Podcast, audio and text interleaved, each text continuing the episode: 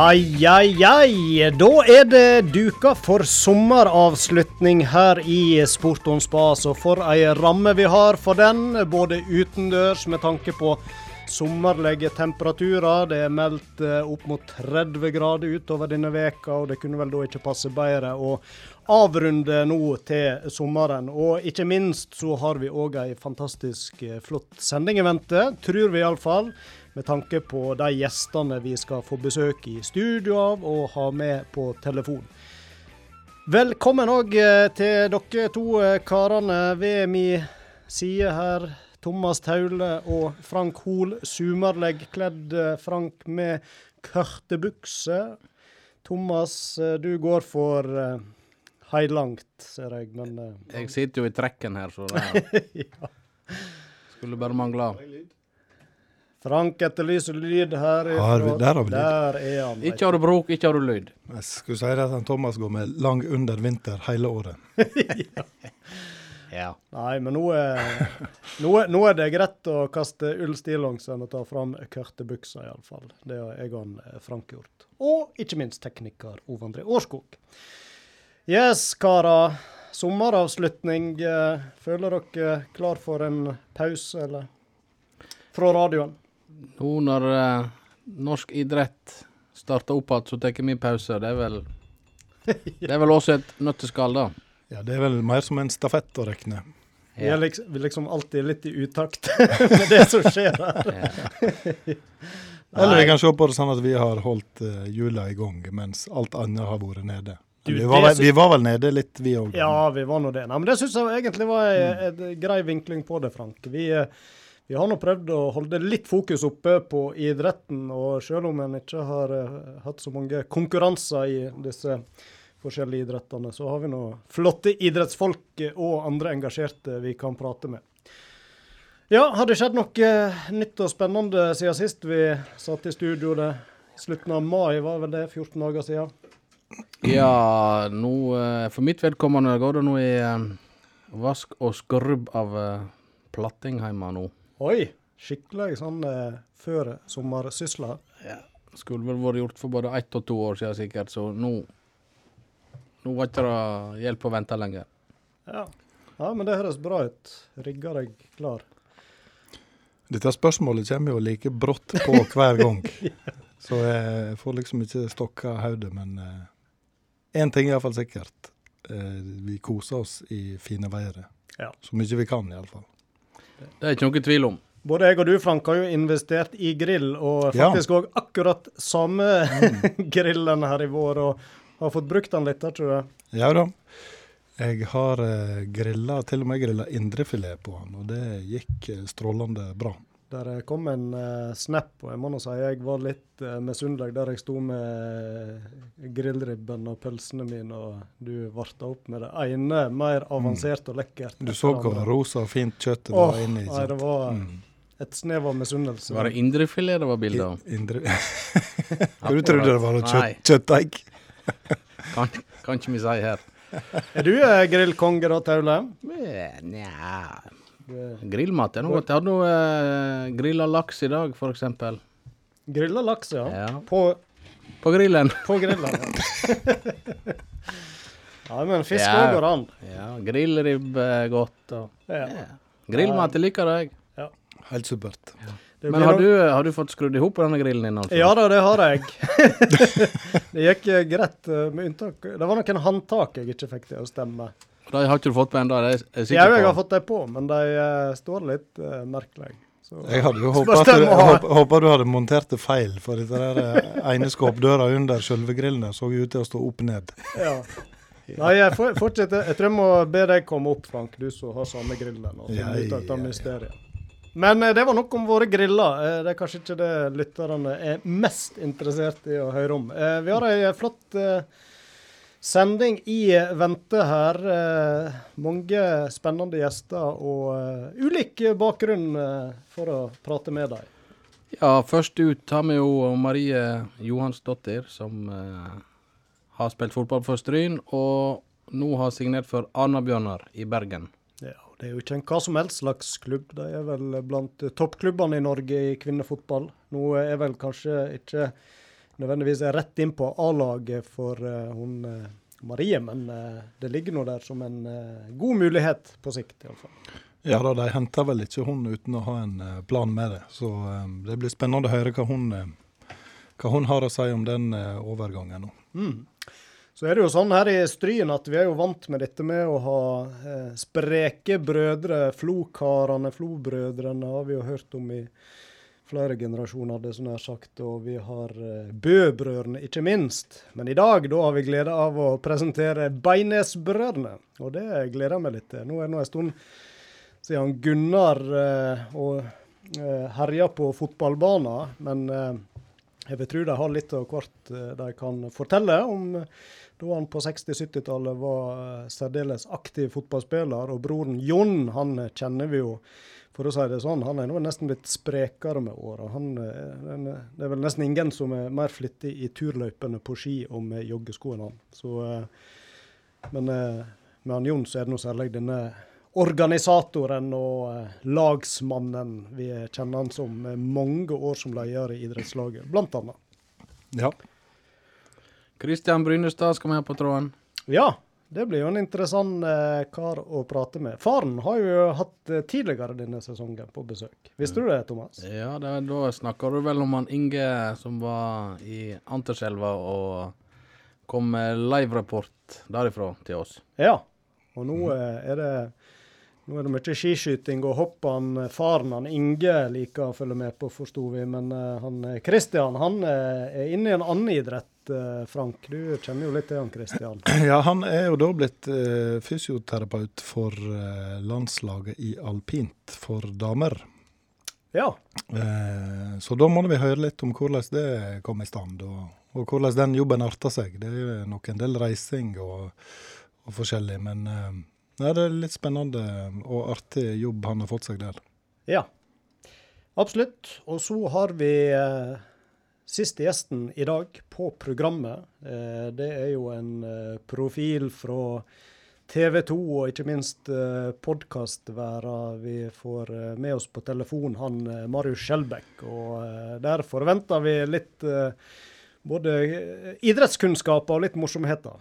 Jeg tror det, jeg hører jo fast på den podkasten han er med på, B-laget. Eh, og der diskuterer de alt mellom himmel og, jord, i tillegg til litt fotball i kanten. Så eh, den eh, si, alibiet for å ha med er jo at han er United-supporter. Så vi må jo høre, høre litt om det, men par spørsmål om det. i den i den diskusjonen så kan jo det dukke opp egentlig hva som helst. Vet Så det blir kjekt. Jeg vet du har forberedt noen spørsmål om bl.a. chips og pølse, Ja, så eh, da vet jeg, vi eh, litt om hvor landet ligger. Han har sterke meninger om begge deler, så det blir spennende å høre. Yes, jeg tror vi øyeblikkelig skal gjøre klar til vår første gjest, men eh, først så må vi ha med dagens og sesongens sponsor, Bunnpris Olde. Nå har de endelig hørt meg og mase midt om plass. I eksklusive kretser gjør radiosportons bass. Her sit eg stram og slank blant FM-bandets konger, Roy Thomas og han Frank. Kjøpmann André Oppheim og Bumpris Olden er stolt sponsor av Sport om spas i sesong to. Å ja! Jeg hører på Radio Stryne. Lokalsportrunden.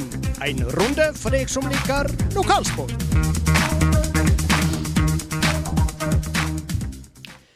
Lokalsport, ja. Det er jo eh, Det har jo vært veldig slunkent eh, de siste månedene. Og det er ikke så veldig mye å rapportere om, men eh, vi har et par ting på lokalsportprogrammet etter helga. Ja, vi har jo Steffen Melheim fra Olden er jo i gang igjen så smått nå.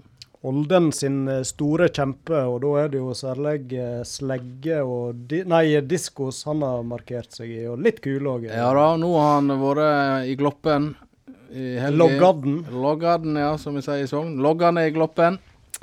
Der har han kasta diskos og klinka til med ny norsk bestenotering like godt. Yes. Han slutter slutta aldri å imponere, han.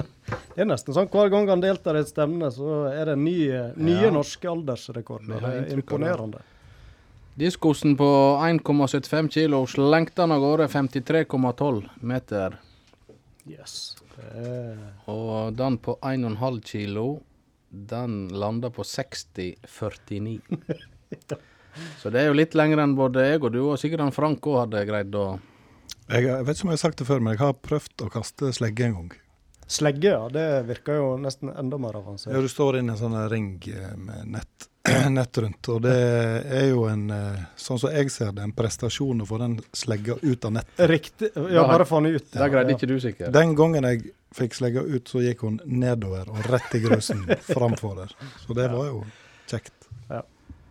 Ellers så, et lite skåregleden for en Steffen er jo at junior-EM nå eh, senere i sommer er avlyst.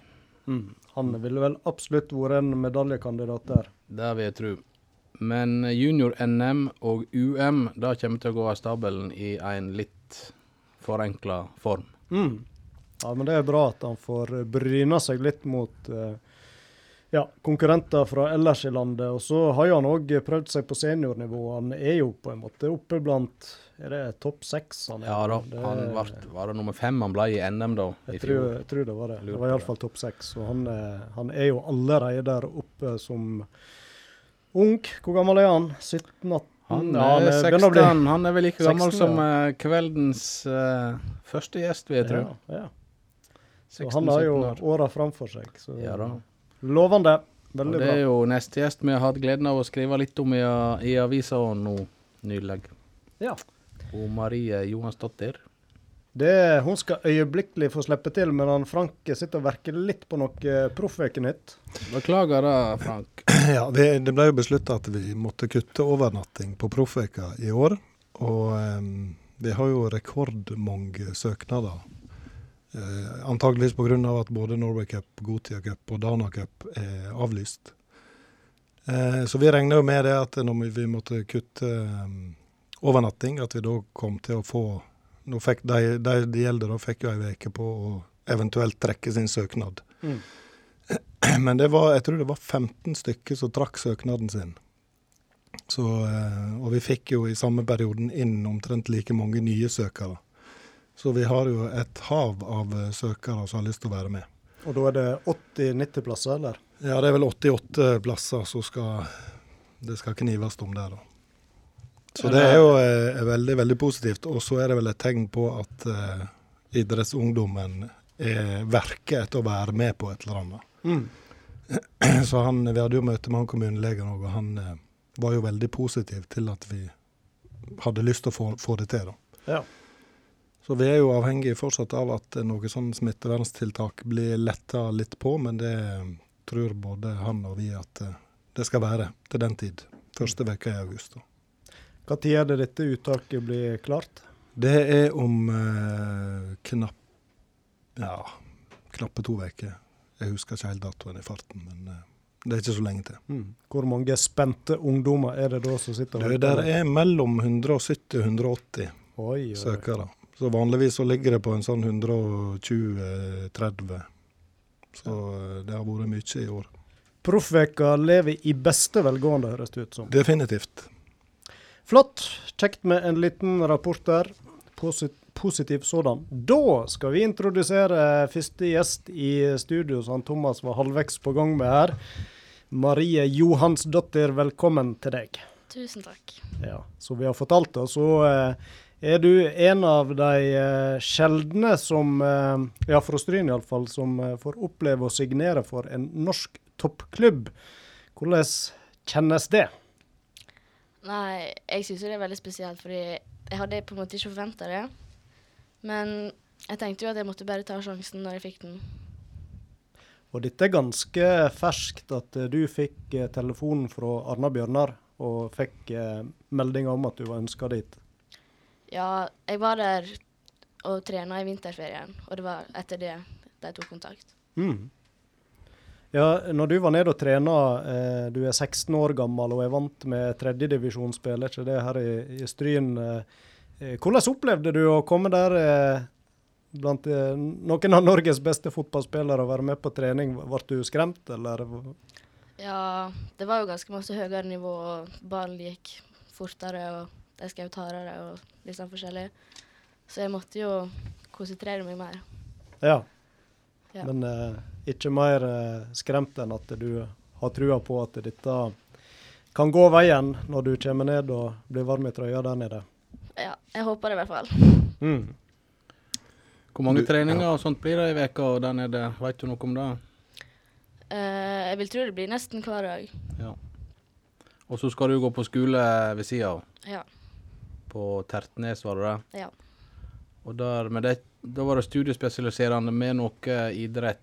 ja, da har jeg fotball. Ja. Så da blir det vel litt trening der òg, sikkert. Ja, det blir trening hver dag på skolen òg. Ja. Men nå er det jo sånn at eh, selv om det er en eh, toppklubb, altså i øverste divisjon ditt, så har vel de flere lag. Og det, det, er vel, det er vel kanskje ikke forventa at du spiller deg inn på førsteelveren i toppserie, på toppserielaget, kanskje? Eller hva Nei, du tenker om det? nei, jeg skal i hvert fall trene med toppserielaget, men så skal jeg spille for andredivisjon.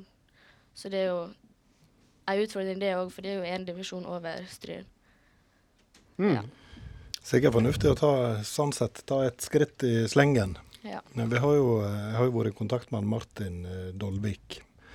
Han er det som heter toppspillerutvikler i Arna-Bjørnar, og var jo i Stryn for et par år siden. Og var spillerutvikler i Stryn. Og litt tilbake til Tertnes eh, videregående. Han skriver det at eh, toppidrettslinja på Tertnes eh, er en av de viktigste bidragsyterne for Arne Bjørnar sin historikk på spillerutvikling de siste ti åra. Og her samarbeider Arne Bjørnar med Olympiatoppen om å få fram morgendagens toppspillere. Og så er det bare tre til fem plasser for eh, fotballjenter per kull. Så det er et smalt, trangt nålauge som hun eh, Marie har sneket seg gjennom, da. Fordi at de mener det at hun har potensial. Så det, det sier jo litt om eh, litt om forutsetningene her. Det er ikke bare å spasere seg inn, inn der. Så det, blir jo, det blir jo spennende. Mm.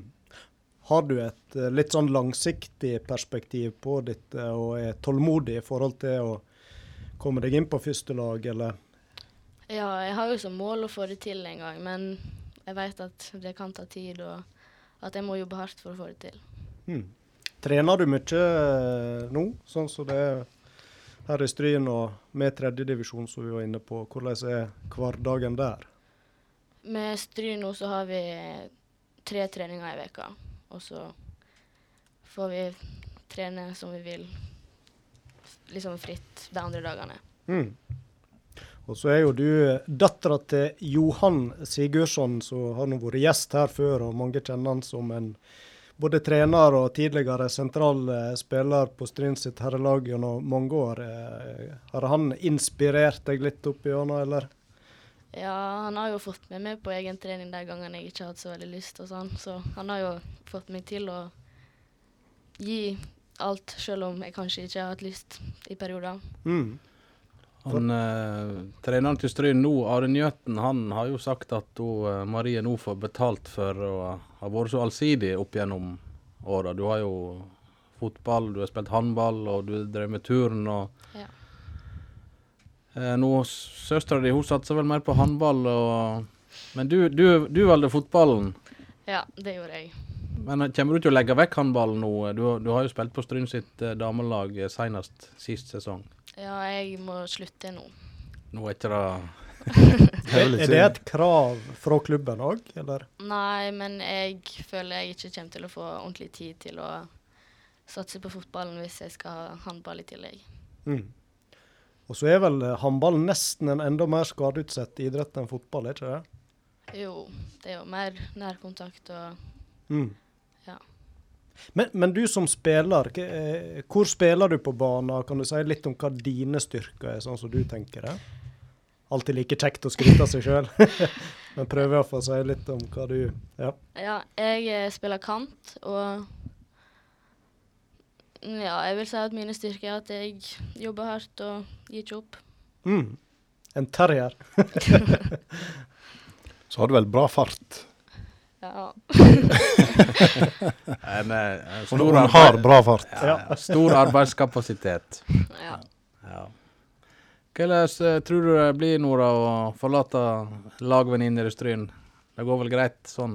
Ja, men det blir rart å flytte fra alt og alle og bare Ja. Gjøre alt sjøl og få nye venner og sånne ting. Vaske klær sjøl og Ja, det har ikke jeg gjort så ofte, så det må jeg lære meg. Så er det vel kanskje en trygghet og at du har storesøstera di boende i Bergen òg. ja, det er det. Kanskje hun kan komme og vaske klær til deg? Ja, hvis hun kan det. Ja, det var det. Ja, nei, dette får de ta en diskusjon uh, Det får dere ta internt. Tar internt, ja.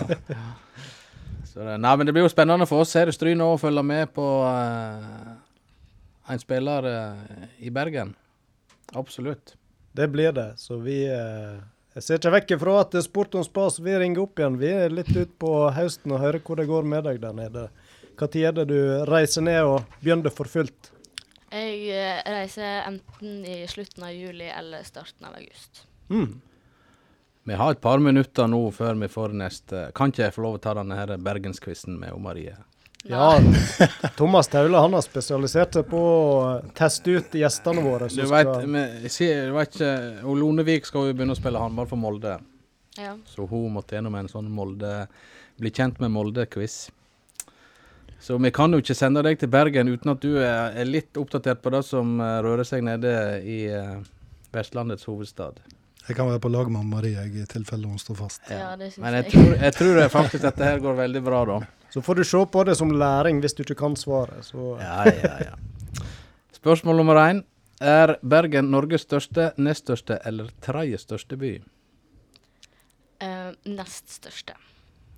Frank Svaret er korrekt. svarer korrekt. Det er riktig. Da har du ett av ett poeng. god start. Om lag hvor mange innbyggere er det i Bergen? Frank. Skal vi si ca. 300 000? Ja. Ja. Det er rundt 300 000. Hvis du regner med området rundt Bergen, så er det 400 420 000. Men du får rett eh, på det. Eh, Bergen har to eh, klubber i Eliteserien i håndball for damer. Vet du navnene på dem? Uh, fyllingen. Eh, ene har i hvert fall navn på eh, den skolen du skal gå på. Tertnes. Tertnes, ja. Åsane. Nei. Skal vi gå for Fana? Fana går vi for. Det er helt riktig. Det er bra, Frank. Viktig med gode lagspillere. Men det er lov å tenke høyt. Ja, ja, det, det, det setter vi pris på. Og Fyllingen og Åsane er jo gode klubber nede i Bergen, så det er ikke unaturlig at Marie svarte da. Kjent komponist med Edvard til fornavn, som kom fra Bergen. Nå skal vi tilbake på 1800-tallet. Faleide. Nei. Edvard Grieg. Riktig. Ja, ja, ja, ja, ja. Strålende. En annen ja, kan vi kalle det artist når du driver på på 1800-tallet? Ja da, det kan vi. Ole Bull har hørt om han. Ja. Hva har han spilt et slags instrument? Eh, fiolin. Ja, ja, ja, ja. Strålende. Dette her, er- dette her går jo veldig bra. Navn på stort sykehus i Bergen? Uh, denne burde jeg kunne. Får ikke håpe du havner der, men Nei, la meg tenke. ja. Det begynner på H. Uh, Haukeland. Yes, det er riktig. Det lover bra. Uh, Bergen blir ofte kalt byen mellom de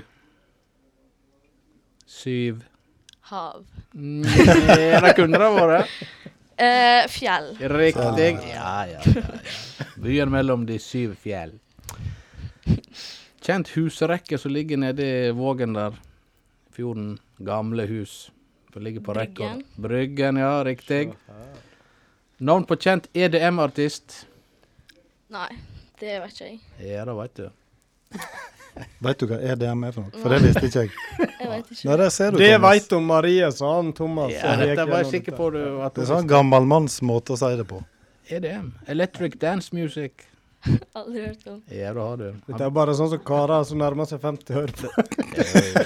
Begynner på K, slutter på Ygo. Kygo. Yes! EDM. Du har jo hørt om, du har hørt om Kygo. Ja, ja. Da, ja, ja. Kjent kabelbane som går stupbratt rett opp på fløyen. Hva kaller vi den banen? Mm. Frank, nå må du hjelpe til her. Fløibanen. Fløibanen, ja. Har du tatt den? Nei. Nei. Det, Anna, det må du ta og hjelpe og finne fram der. Siste spørsmål, eh, Marie. Hva heter heimebanen til Arna Bjørnar? Arna idrettspark. Ja, det er riktig. Og det var det viktigste. Det var faktisk det viktigste. Men jeg, jeg syns at du Marie besto bergenstesten. Absolutt. Bestått med glans. Bestått. Så du kan trygt reise til Bergen, og du kommer til å finne fram. Ja, det får jeg håpe. Da gjenstår det bare å ønske deg masse lykke til, Marie, og så følger vi med. Så eh, Tusen takk. god tur til Bergen. Takk. Sport og spas. Like underholdende som ei god sklitakling. Ja, spreke brødre, det er vi kjent med gjennom både Flo-brødrene og Bø-brødrene i nyere tid. Men lenge før de så hadde vi Beines-brødrene. Og i dag så er vi så heldige å ha dem med i sendinga, så da ønsker vi velkommen til Gunnar og Jon. Takk for det. Ja. Og for å starte med deg, eh, Jon. Sånn rent resultatmessig så eh, er det vel kanskje han Gunnar som har mest å eh, skryte av der, kanskje. Men jammen er du en spreking fortsatt. Du er 82 år. Og jeg snakket med deg forrige dagen. Da fortalte du at i løpet av et år, da legger du gjerne bak deg 2000 km med joggesko eller skisko på beina. Stemmer virkelig det? Ja, det er nok riktig, det. Så det har jeg vel kan jeg, jeg skal vel ikke skryte av det da akkurat, men eh, jeg har vel det 2000 km de siste eh, ti åra. Det, det syns jeg virkelig du har lov å skryte av. Så det skulle vel bli en halv gang rundt ekvator, kanskje. Hvis vi regner 40 000 rundt ekvator, så skulle vel det bli halvparten. Så hvis jeg er jo så heldig å leve i ti år til, da, så har jeg vel tatt hele runden. ja, vi satser på det. Men ja, du sier siste ti åra. Vil, vil du si du kanskje er like god form eh, nå som du var la oss si, som 50-åring? Ja, kanskje bedre. Mener du det, ja? Ja, jeg tror det. Ja. Jeg, jeg har i grunnen ikke noe å skryte av når det gjelder sport, jeg, i forhold til mine brødre, og kanskje spesielt til henne. Det- Så noen sportsmann har jeg aldri vært, men jeg liker å holde meg i bevegelse. Ja. ja, han er en spreking, han, eh, Jon. Er du enig i det, Gunnar? Helt sikkert. Og sportsmann han har nå vært med på oldboys-stafett for Stryn. Og Det er ikke helt fritt for at har vi vært med på begge to. Ja, vi har sprang- vi har sprunget bremsstafett, Ja, og på Øye har vi vært og litt sånn. Så Ja, vi har vært litt borti det. Ja, det, det tror jeg nok. Eh, du Gunnar, du har jo, som vi nevnte innledningsvis, eh, ei fortid som fotballspiller på ganske høyt nivå. og eh, tid var det du spilte i Lillestrøm? Det var i 1965. Ja. For øvrig la med Per i Treide, som også var der i 64. Så han kom ned året før deg og Ja. hadde Han var toppskårer, han i 64. Ja. 65, ja. Hvor mange sesonger var du? Det var bare én. Det var én, ja. Vi flytta tilbake til Stryn begge to. Ja. Og begynte vel å spille da i Det var vel sjette divisjon, kanskje, da. Jeg er ikke helt sikker. Litt overgang. Men fortell litt eh, om året i Lillestrøm. Eh, Det var ikke øverstedivisjonen, men Nei, det var i andre. andre. Nest øverste divisjon Ja. på, de, på den tid. Ja. Hvordan var det å komme til en eh, såpass anerkjent klubb? Nei, det var jo en stor overgang, vet du. Det, det, det er klart. Men, men kom du da rett ifra Stryn? Nei, jeg var i militæret i Kirkenes og spilte fotball for Kirkenes i 64. For øvrig la vi en av Norges beste skihoppere som heter Ronald Jensen Ja vel. den gang. Ja. Og vi spilte nordnorsk semifinale, for Nord-Norge var ikke involvert i Sør-Norge den gang. Nei vel. Så vi spilte nordnorsk semifinale mot Mjølner i Narvik. Tapte 5-1. Men det, det var nå stort allikevel. Ja, ja. Men var det Lillestrøm som uh, henta deg eh, til klubben da, eller? Eh, han Per fikk meg vel inn der. Ja. Og jeg hadde jo ambisjoner å prøve meg i høyere divisjoner. ja. Jeg husker jo når vi, hadde, når vi hadde han Per som, som gjest her, så var det jo mye tilfeldighet, syns jeg å huske, som gjorde at han òg ble Lillestrøm-spiller. Han var på Østlandet, og så hadde han en kompis som spilte der, og så mangla de noen folk. Og så plutselig skårte han var det fire mål i en treningskamp eller noe sånt, og så var det gjort. Så det er ofte mye tilfeldigheter som, eh, som spiller inn, da. Mm. Fikk, du- fikk du, Gunnar, bra med spilletid det året du var i Lillestrøm? Ja, brukbart. Ja. Eh, Det største var vel eh, at vi slo Gjøvik-Lyn 3-0 på Åråsen. Der de hadde to landslagsspillere, Rolf Bjørn Bakke og Erik Johansen. Ja. Ja, og så slo vi Østsiden 3-2 med Drillo på laget. Og du har spilt mot Drillo òg, ja. Ja. Hvordan var han å møte, da? Nei, gjorde ikke meg noe, men han høyrebekken vår, han tok seg anna. Ja. Vi har ikke sagt hvor du spilte på banen, men Jeg var stort sett venstreving. Ja. Jeg, plasser, jeg har bare én fot til venstre. ja. Lagde du mål med den på den kampen? Uh, ja. Nei, det var heading, det tror jeg. ja. Jeg har nå hørt rykt- rykte om at han Gunnar var en sånn uh, typisk linving uh, med stor fart. Det stemmer vel bra, ikke det? Han er jo sånn ikke helt rett, tror jeg. Er du beskjeden? Var nok de som var raskere enn meg. Men siden du var venstrekant, da var du kanskje mer en, en tilrettelegger, kanskje? Ja. Var du det? Ja, Nest sist på ballen. ja da. Og du lagde nå mye mål òg. Ja, for Stryn, ja. Ja, ja. Men eh, ja, du, du nevnte jo sjøl òg at du for tilbake igjen til, til Stryn, og da var det rett ned i, i sjette divisjon. Men dere klarte nå å jobbe dere godt oppover i løpet av ganske kort tid der. Du var Ja. vel med på et berømt opprykk? Ja, i 68 rykka vi opp i tredje. Så det var, om det var sjette eller femte i 66, det er jeg ikke sikker på. Nei. Men vi rykka opp i tredjedivisjon i 68, ja. Ja. Og da ble det kanskje en del mål på veien? Så han Ja, faktisk så lagde jeg 19 mål. ja. Den sesongen? Ja. Ja, ja, ja. Eh, Det var vel eh, åtte lag, 14 Mm. seriekamper. Ja, det òg setter det jo litt i perspektiv. Det var ikke så mange kamper heller. Så da 19 mål på 14 kamper. Det, er- det er bra statistikk. Det ble mindre i 69. Det var en tragisk sesong. Å ja, det var fort ned igjen? Vi rykka rett ned at vi hadde fem poeng. Ja. Vi fikk folk som var skada, og folk som reiste. Så det var en, jeg var skada hele vårsesongen med en lårstrekk som aldri gikk over. Ja. Du hadde ikke nok behandling den gang. Nei, det var, det var nok ikke den oppfølginga da. Det Nei, var det var vel, nei. Dessverre.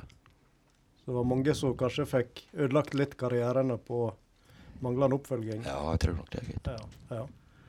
Men du har jo en fortid i Hødd da, Gunnar. Ja, Var det seinere? Var i 1970. Det var 70, ja.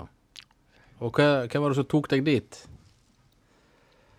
Det var han Birger Sunde, som er urmaker i Ulsteinvik. Ja. Broren hans Aspen Sunde her i Stryn. ja, ja, ja. Spilte han sjøl i Hødd, eller var han mer involvert på Nei, han Andre var måter. vel litt mm, medieadministrativ, men eh, Ja. han har vel ikke spilt fotball siden han var keeper på Stryn. Nei. Det var tidlig på 60-tallet. Men, men Hødd på den tida, hva nivå var de på? Ja, det var øverste divisjon. Å ja, det var det, ja. Ja. ja. Så det er faktisk Hødd som er det øverste nivået du har spilt på? Ja, ja. ja, Det er lett å tenke det Lillestrøm så var det gjeveste, men eh, da er det Ja, men det var jo en kjempegjeng i Hødd òg, med Kjetil Hasen som stjerne. vet du. Det er nå ei legende. Ja, ja. Ja. Faren til Geir, stemmer ikke det? Faren til Geir Hasen, ja. Ja. Hvordan var tida der, da? I Hødd? Nei, det var veldig kjekt, men jeg ble så plaga av venstre stortå, så jeg måtte slutte, og den måtte jeg operere. Og så jeg var vekke fra fotballen til jeg kom tilbake til Stryn i 73. Ja. Da var jeg med og spilte igjen. Så ny, nytt comeback i Strynetrøya, og ny frisk. Ja, og helt på til 84, da var jeg blitt 41 år, så var det på tide å slutte. Det Men det, det året rykka vi faktisk opp i tredjedivisjon igjen. Så det var, du ga deg på topp? I, i 84. Ja. Ja. I Stryn iallfall, da. Med et. Passer nå godt å gi seg etter et opprykk? ja. Men det, det året i Hødd, eh, når du var, holdt på å si, ikke var skada, da, fikk du greit med spilletid da? I, i øverste divisjon? Ja, jeg tror jeg står registrert med 15 kamper. Altså. Ja, OK. Så da fikk du med deg en del, da? Det var vel det var ti lag Ja, det var ti lag i serien den gangen. Mm. Så det ble en god del. Beste spilleren du har spilt lag med da, Gunnar? Medspiller? Medspiller, ja. Ikke lov å si Per Utreide. Nei, dessverre så blir det nok ikke han Per. Nei.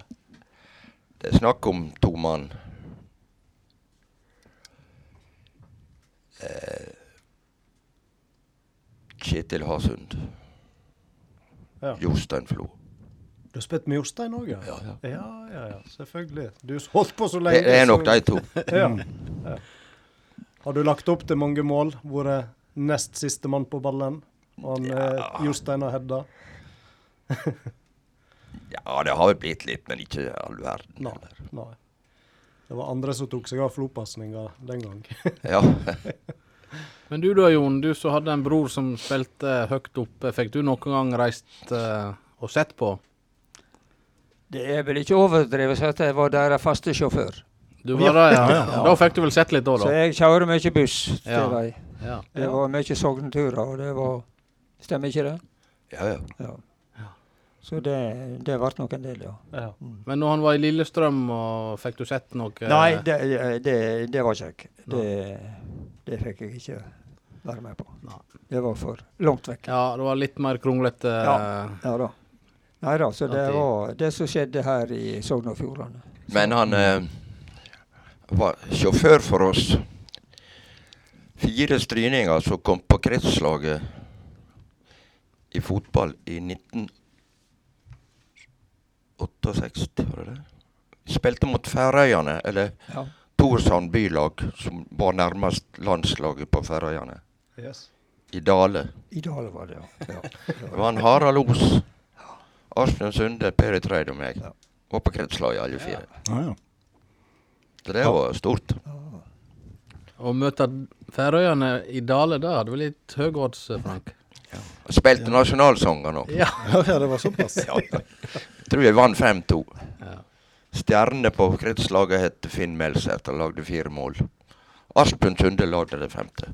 Riktig. Finn Melsæter, han bodde nok en gate over i meg når jeg bodde i Måløy. Han, Ja. ja, han vet jeg godt hvem er. Ja. Du eh, Jon, vi var inne på det at eh, det, det er nok kanskje først og fremst organisatoren og, og eh, ja, administratoren eh, du har eh, vist deg fram som. Du har jo hatt mange verv i mange år, og ikke minst så har du jo sittet leder i Stryn turn- og idrettslag. Er det 25 år? Jeg prøvde å regne litt på det, men du må kanskje korrigere litt. Jeg er visst i det 29. 29, ja det, det er blitt så mange. Ja. Det er altfor alt for lenge. Det tror jeg er mange som kan skrive under på. Det er sikkert veldig gilde for at jeg nå gir meg etter hvert. Så Du jeg kan vel ikke gi det- Jeg, ser til siste året nå. Du kan vel ikke gi deg før du har nådd 30 år i lederstolen? leierstolen? Det tror jeg nok jeg gjør, ja. Men eh, hvordan kom du inn i dette, da? Husker du det? Hva, hva som gjorde at eh, du begynte å engasjere deg? Nei, jeg var vel eh, med litt kanskje før jeg var formann, da, men eh, jeg fikk jo Jeg fikk jo en telefon da fra et årsmøte. Det var Trygve Hagen. Ja. En av de som dessverre gikk altfor tidlig bort da. Så han ringte meg en kveld da. Var rett fra møtet. Da hadde de problemer med å skaffe folk. Jeg sa jeg får nå tenke på det en times tid, sa jeg. Og det gjorde jeg, og så tok jeg det, da. Ja. Og da, det var vel i 89. Og så var jeg vel da til hun Oddrun overtok, den første kvinnelige, eneste kvinnelige formannen av Oddrun. Frausing Bø. Og det var vel i, i 90, 98, ja. Hun var da eh, La jeg var 100 år. Ja. Og, og så gikk jeg på igjen da i eh, 99. Og eh, mye på bakgrunn av dette her, så fikk du for eh, fire år siden da fikk du kongens eh, fortjenstmedalje i eh, sølv. Hvordan opplevde du det? Nei, det var jo en gedigen overraskelse, da. Det får jeg bare si. Så eh, det ble en tur til Oslo, da. Og ta kongen i handa. Det var jo en opplevelse, selvfølgelig. Ja. Så eh, Nei, det var, jo, det var jo kjekt, da. Hvorvidt jeg fortjente det, det kan jo selvfølgelig diskuteres. Det er vel mange som vil diskutere gjerne. Men eh, det skjedde nå iallfall. Ja. Jeg må spørre deg. Ja. jeg, jeg må få lov å skyte inn der, fordi at uh, du var jo uh, ved kongens bord, du. eh, på Slottet når du fikk medaljen. Og jeg snakka jo med deg i etterkant, husker jeg. Og da, kan, hvis jeg kan få lov å lese et lite avsnitt her. Det sto en adjutant ved bordet vårt da vi kom inn i storsalen. Jeg tenkte at han sikkert skulle servere oss under middagen, men så plutselig kom kongen bort og satte seg ved siden av meg og Synnøve, kona di. Det var liksom toppen av kransekaka å få sitte på samme bord som kongen. Så det må jo ha vært en eh, spesiell eh, opplevelse. Ja, det var, det var helt klart en opplevelse. Så det ble Vi, vi snakka nå litt da. Ja, hva, Med hverandre, selvfølgelig. hva, hva snakker en med en konge om?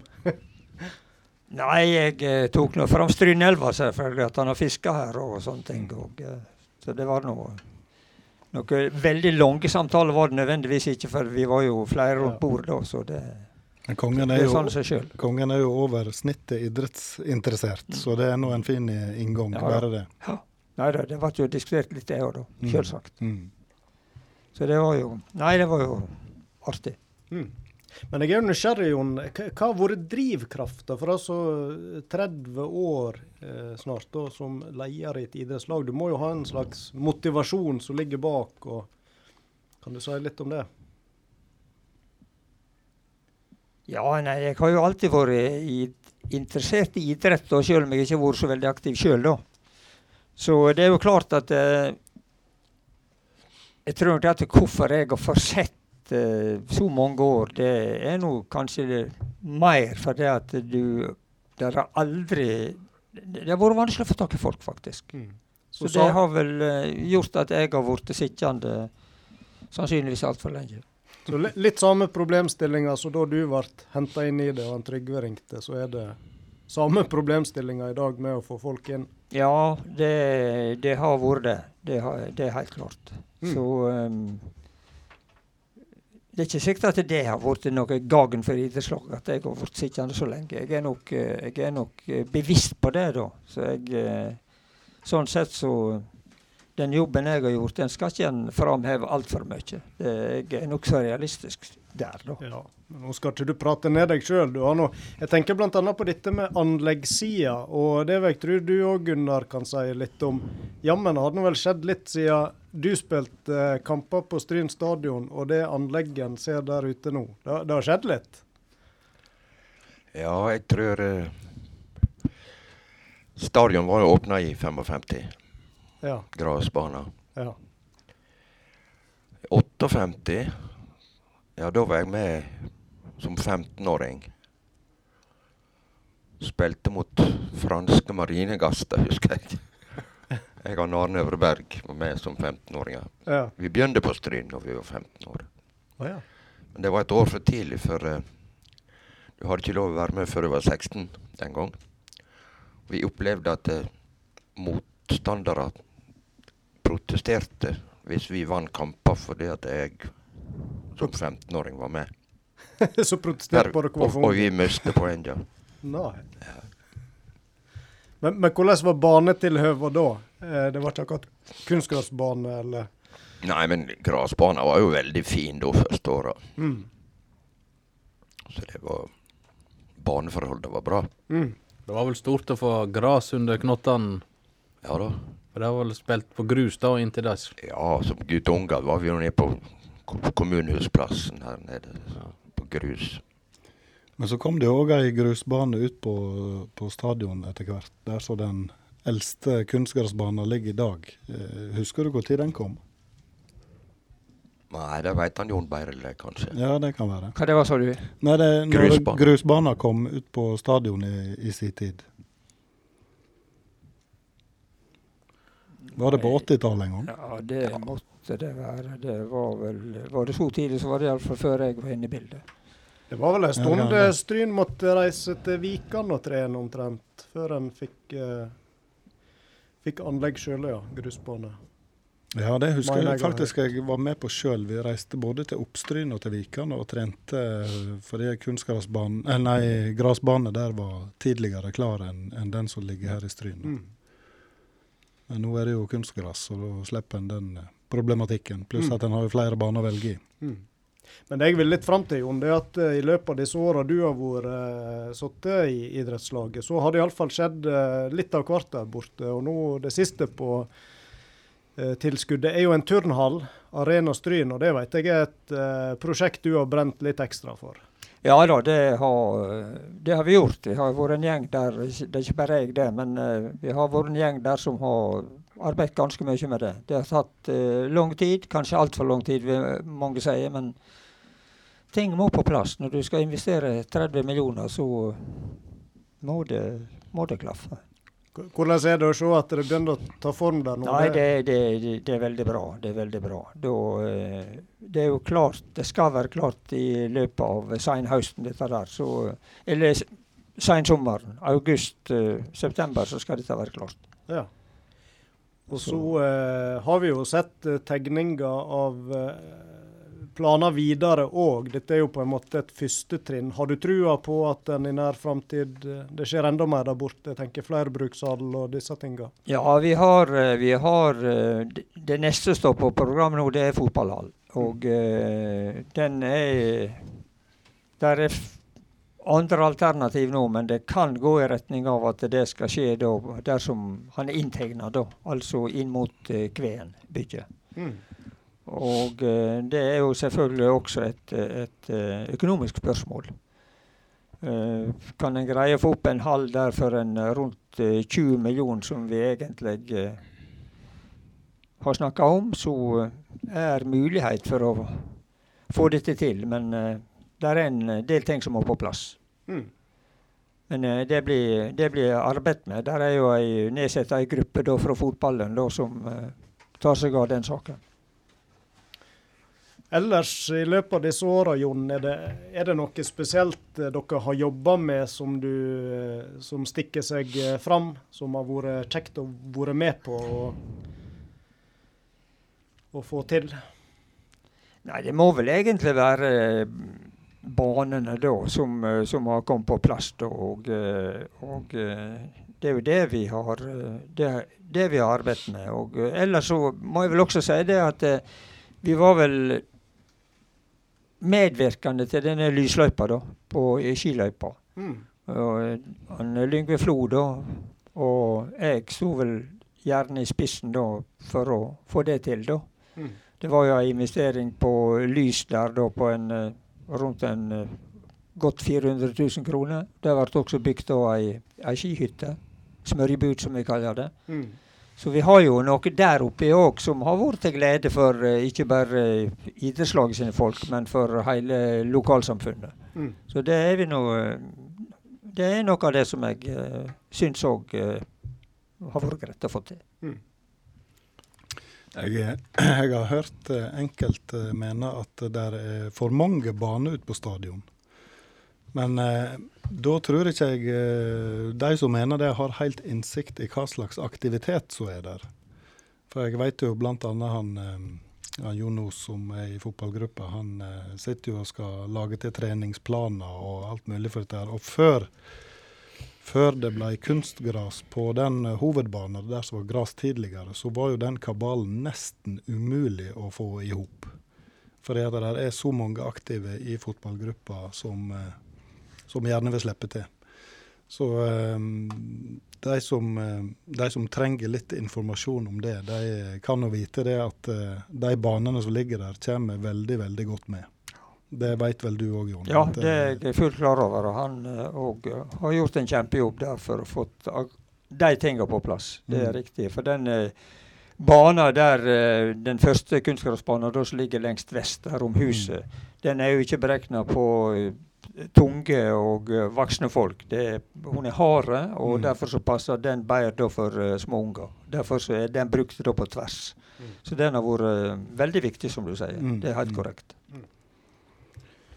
Men eh, Jon, etter et langt liv i idretten eh, Stryn er jo eh, er jo kjent for mange store navn. Internasjonalt og nasjonalt. Bø, Flo. Tror du det er, er det tilfeldig at Stryn har fostra så mange store idrettsutøvere, eller er det, er det noe spesielt med stryningene? Nei, Det er kanskje ikke jeg rette mannen å svare på, da, men det det er noe rett som du sier. Det har vært mange store fotballspillere som kommer herfra. Det, det kan vel ha hatt betydning at de har hatt brukbare forhold da, fra de har vært smågutter og uh, Ja. trent seg opp på den måten. Ja, hvem veit. Det å følge med på idretten. eh, Du Gunnar, er du engasjert eh, i Stryn fortsatt? Jeg mener når jeg ser deg på kamper på Stryn stadion og Med Lillestrøm-skjerf. Ja, Lillestrøm-sjef. eh, Ja, eller, eller Hødd-skjerf. Jeg hadde jo. Å ja. Eller Ja, stryne, jeg- jeg- Du har jo det òg. Nei, har jeg ikke. Har ikke? Nei, jeg er nå patriot, selvfølgelig. Ja. Men jeg er ikke noen sånn fanatiker som sitter på puben på Isahaug og roper på United og Liverpool og skjelver på hverandre. Da, da ser jeg mer på de galningel-fotballen, altså. Ja, ja. Du er litt mer eh, stillfaren supporter. Ja, Ja, ja. absolutt. Men hva du tenker om eh, Stryn fotball eh, anno 2020, da? Er det Nei, du veit, det har utvikla seg enormt. Det er klart det er stor forskjell på nå og da. hvordan? Nei, det går vel mye raskere. Mm. Teknisk bedre, antagelig. Trener jo tre ganger så mye som vi gjorde, så det er vel ikke så rart. Spiller dobbelt så mange kamper, i hvert fall. Og Ja. mer til, sikkert. Og du òg, Jon. eh, Er vel, eh, følger vel litt med og er på stadion? Ja da, jeg er på stadion og ser på fotballkamper. Det skulle bare mangle. Ja. Men, Hvis han ikke er i løypene oppe på ja, det var det, da. Men, eh, Men du, det tilpasser du vel? Du tar vel turen først? Det passer vi til. Ja. Det blir en par uh, runder, elva rundt for veka. Det blir det riktignok. Og uh, Ja. ellers opp i skogen. Ja.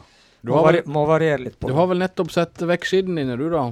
Ja, jeg eh, Jeg var ikke med på den siste snøen. Da Da hadde jeg eh, låst deg inne. ja. Jeg syns det var nok. På tide å gi seg. Ja. Det hadde jo vært, det hadde jo vært artig å spurt Jon om hvilke ski han har, om han har felleski, eller om han har klassisk, eller om det er skøyteski det går i. Nei, skøyter det har jeg ikke anlegg for. Så. Men jeg har tre, tre skipper stående oppe på smørjebuda. Ja. Så eh, Og du smører aldri feil. Det har nok skjedd. Men, eh, det har nok skjedd. Men eh, begynner å få en viss eh, rutine. Stort, stort sett så går det bra. Det er det.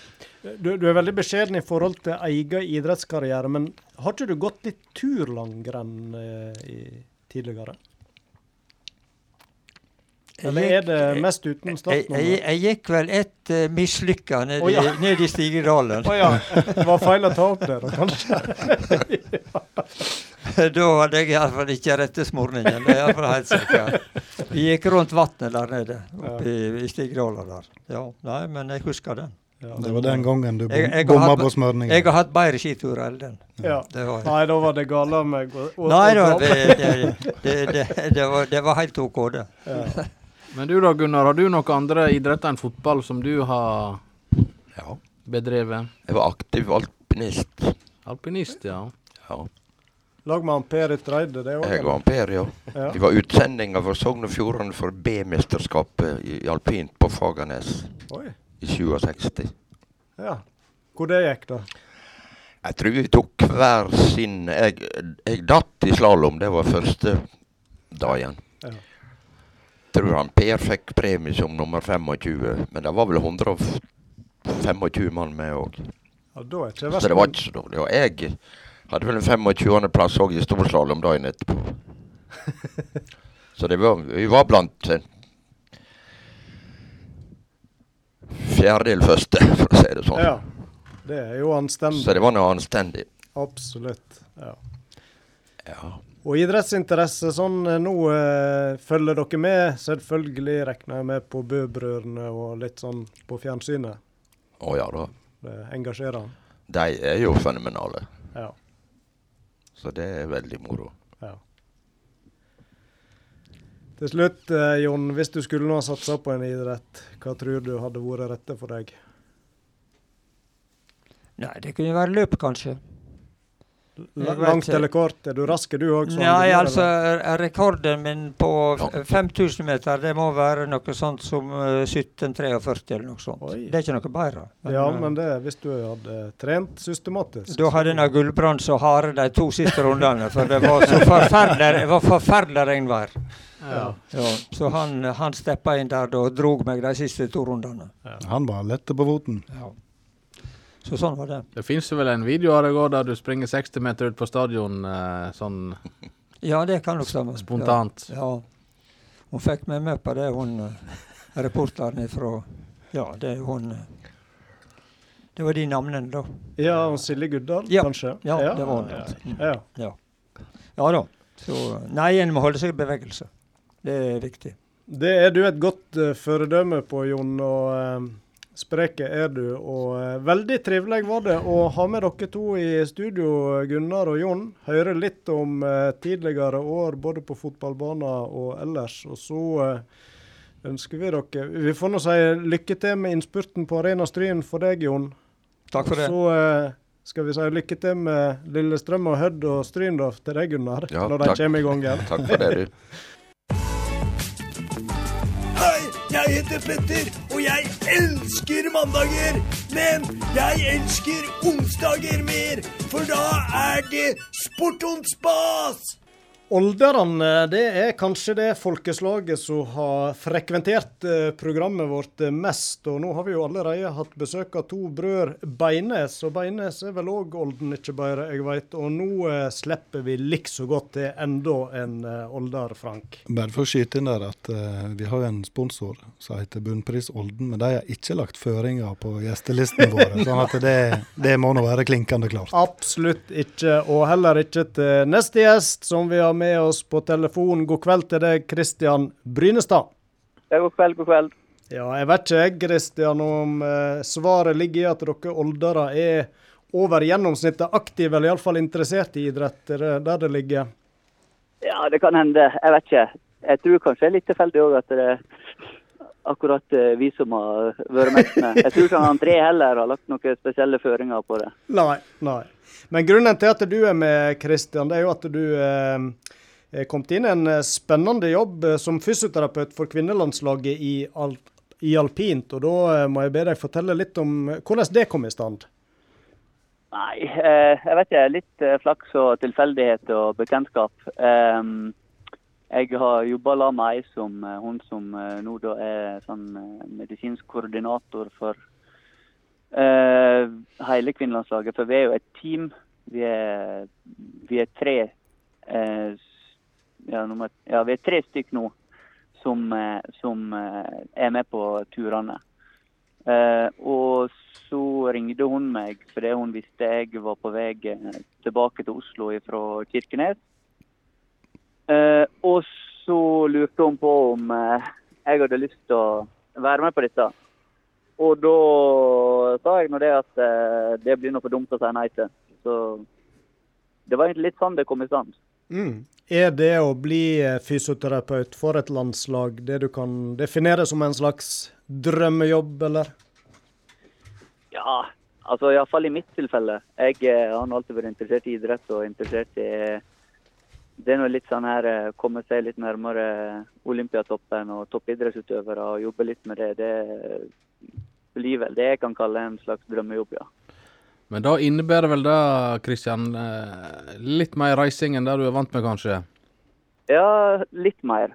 Eh, det, jeg har blitt ganske bereist i løpet av siste året. Jeg har vært med ett år nå, eller én sesong. Um, og da har jeg vel vært i ja, Sveits og Finland og Nord-Italia var jeg under litt sånn i starten av mars der. Det var jo ikke helt heldig. uh, Men du har nå bodd i Kirkenes òg, så det er det er et ja. stykke fra Olden, det òg. Ja, et lite stykke. Men det er to timer fly til Oslo, så det er ikke så galt.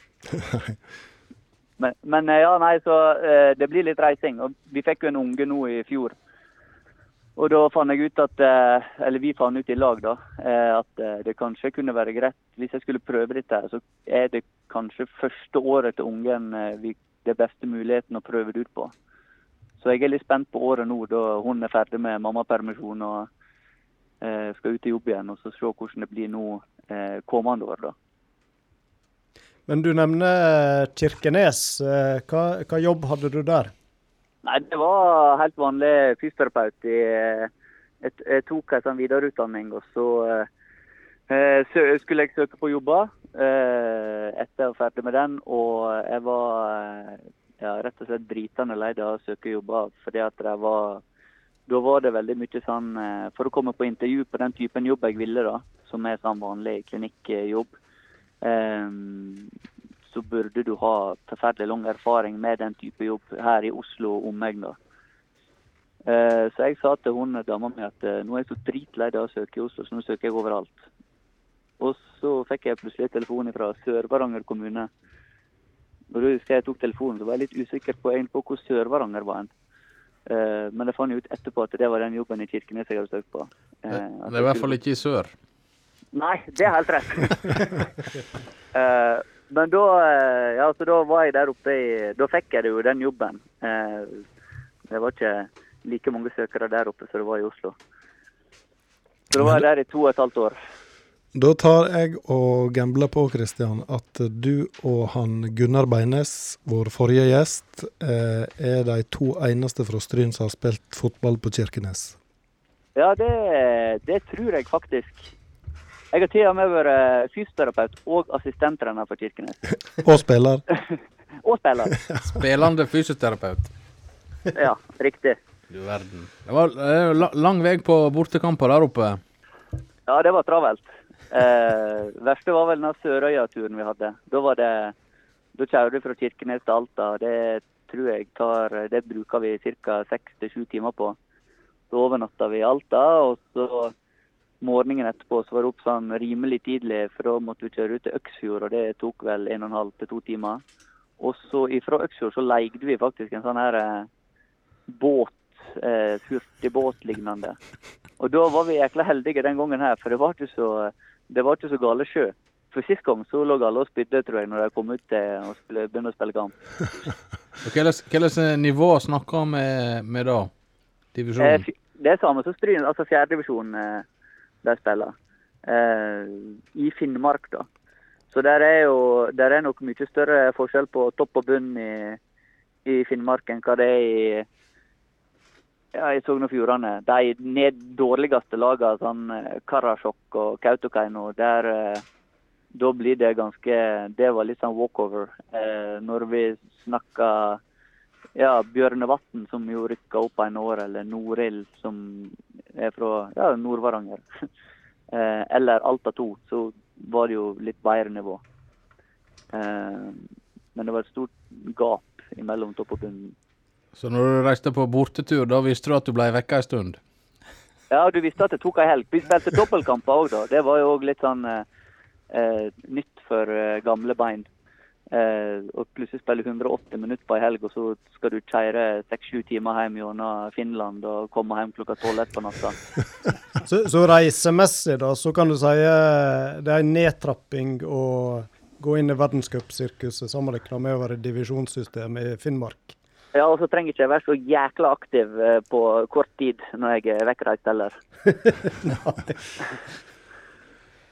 Jo, men når du er nå er Dette her er jo toppidrettsutøvere du, du jobber med nå. Du, det er vel ikke til å stikke under stol at du har en rimelig viktig jobb for å få disse her eh, alpinistene opp på beina fortest mulig? Jo, det er jo det. Eh, det er noe, men det er noe, Det er litt som du sier, de er toppidrettsutøvere. Det er Ja, de, er på et eh, De er på et sånt nivå at eh, det vi gjør eh, Hvis de er med på tur, så er de jo ofte veldig på og veldig klar til å, til å gjennomføre det de skal gjøre. Og det, vi gjør litt sånn finjusteringer og sånn. Og så er vi jo der som medisinske ansvarlige, for det er aldri leger og sånn på tur. Så vi er liksom eh, Der har vi over telefon leger og ortopeder hvis det skulle skje et eller annet. Um, så det, det blir vel kanskje det som er vår, eller ja, min og vår viktigste oppgave på turene. Det er vel selvfølgelig å, å jobbe med, med, behandling av det som, av det som skulle være av skavanker. For selvfølgelig, det, det, er jo mye å ta tak i med, med mange av utøverne. Um, men uh, er de på tur, så er de noe fit for fight, liksom. Eller så er de igjen hjemme. De gidder ikke å reise på tur hvis det er veldig hvis det, er sant det ikke sannsynligvis ikke går. Men Du sa Kristian, at dere jobber i, i, team. Hvor mange er dere som er på tur eh, til enhver tid? Er, det, er dere to i slengen? Nei, det er kun én. Det er en, ja. eh, men, men, vi har fart og teknikk eh, lag, altså speed og tech. Så, mm. Og de er ikke på samme plass. Nei, så, ofte, så, så, ofte, så, er, er vi eh, Vi er ofte to på tur, men på to forskjellige plasser. Eh, og så er det én igjen hjemme, da, eh, som i tilfelle en blir syk eller en ikke kan, så må den på en måte være litt standby og klar. Um, men det har ikke vært noe problem sånn ellers. Mm. Nå blir vi sannsynligvis fire i år. Uh, det er ikke helt sikkert ennå, men per nå er vi tre. Og så er det leger hjemme og ortoped uh, hjemme som vi har kontakt med hvis det skulle skje noe. Hva er en typisk arbeidsdag for deg når du er på, er på tur på verdenscupen i helg? Ja, den er, ganske, den er ganske varierende. Eh, vi, en typisk eh, arbeidsdag er jo eh, opp eh, for, Før World Cup så kjører vi jo vanlige treninger på ski. Det er alltid ski først på dagen. Og da er vi oppe i seks-sju-tida, for det tar som oftest litt tid å få med seg alt av utstyr og utøvere og trenere og tidvis fysioterapeuter med seg ut i bil og så kjøre til der en skal. Vi bor ofte på hotell ganske nærme bakke og sånn, men av og til så Eller som ofte så må en kjøre for å komme seg lengst inn, for vi har så jækla mye utstyr med oss. Og så er det da opp i bakken. Der er en åtte-ni-tida da eh, hjelper jeg som oftest med å skli. For de står jo ikke så mye på snø. De skal jo stå på klink is, helst. Eh, så jeg, du starta med å reise opp, og så legger jeg fra meg eh, medisinsekken. Og så er det bare å spenne på seg skia, så er det å skli ned eh, ja, brattere bakke enn eh, enn en har inne i Strynetrekket iallfall. Og så er det å få vekk det lille som jeg har snøv oppå. Eh, og så, ja, hvis det er noe, så hjelper jeg til med å sette noen stikker eller noen sånne ting. Og så, når vi er ferdig med det, og de er ferdige med å varme opp, eh, utøverne, så står jeg og tar tida. Nei, jeg ikke tar tida, men jeg står og starter dem. Så da er det sånn Jeg står alltid på topp, da. Så hvis det er flere hvis det er flere løyper, hvis det er to-tre forskjellige løyper, noen kjører slalåm og noen kjører storslalåm eller noe lignende, så må jeg være på topp. For hvis det skjer noe, så skal jeg alltid komme meg ned. da. Mm. Um, ja. Og så forhåpentligvis så skjer det ikke noe, og da er det tilbake og så spiser vi lunsj sammen i dag, Og så har utøverne én til to timer pause, og så kjører de barmarksøkt. Så det ja, det varierer veldig. Det kjører med den fysiske Det er alltid med en fysisk trener òg. Eh, han kjører ja, Veldig ofte så er det noe styrkeøkt eller en mageryggøkt eller noe lignende. Altså tung knebøy, eller de kjører ei tung mageryggøkt. Eller så plutselig så spiller vi volleyball eller noe lignende. Altså hvis det er en liksom dag av, da. Uh, og så Den har de vel fra tre til fire, fire til fem. Kommer an på hvor mange de er og hvor mye utstyr de har. For alt utstyret blir alltid frakta med i en bil.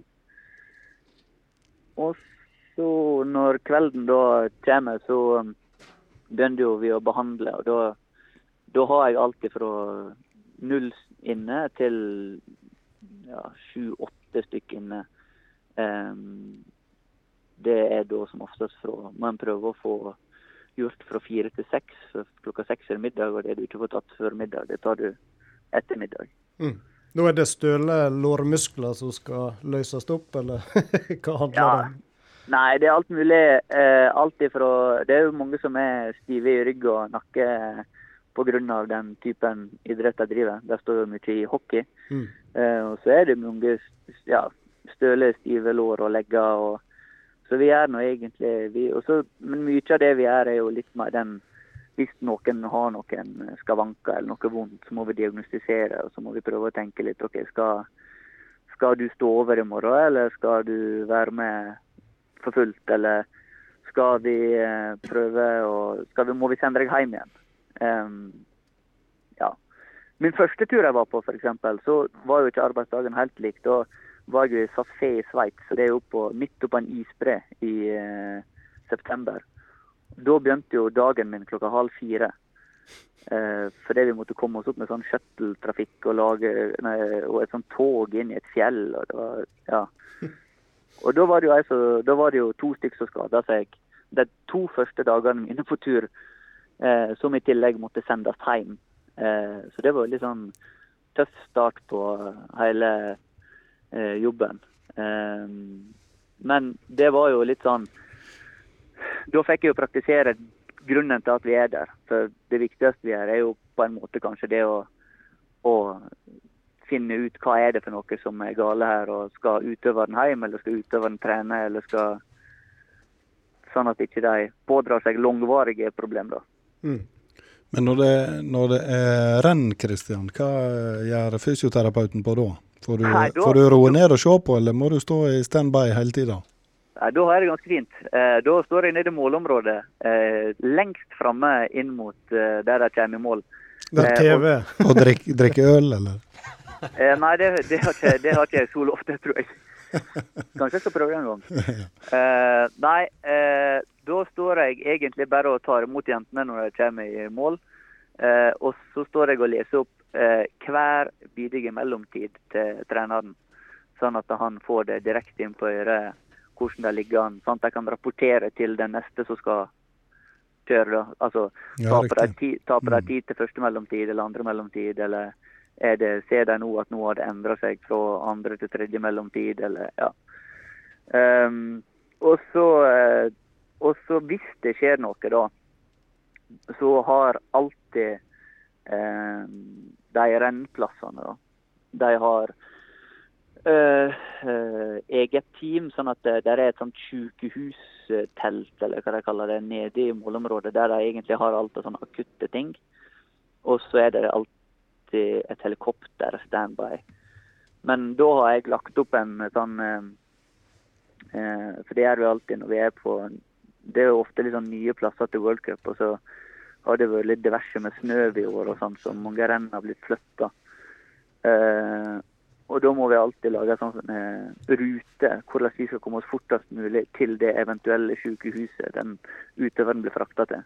Så Vi har egentlig ikke så mye vi skal gjort akkurat fra de skader seg til de eventuelt mm. er på sykehuset. Da må vi bare prøve å få info så fort som mulig. Og hvis det er alvorlig skade, så blir en med, selvfølgelig. Altså, det, det, minner litt om en bankraner. Altså, du, må, du må ha ruta, fluktruta klar. Ja, det må jeg ha. Men, altså, men det, det, er jo tydelig at en fysioterapeut på landslaget han har flere jobber enn å massere. Han skal være ja, ja. tidtaker, og han skal spille volleyball, og han skal gjøre det ene og det andre. Vi er alt mulig.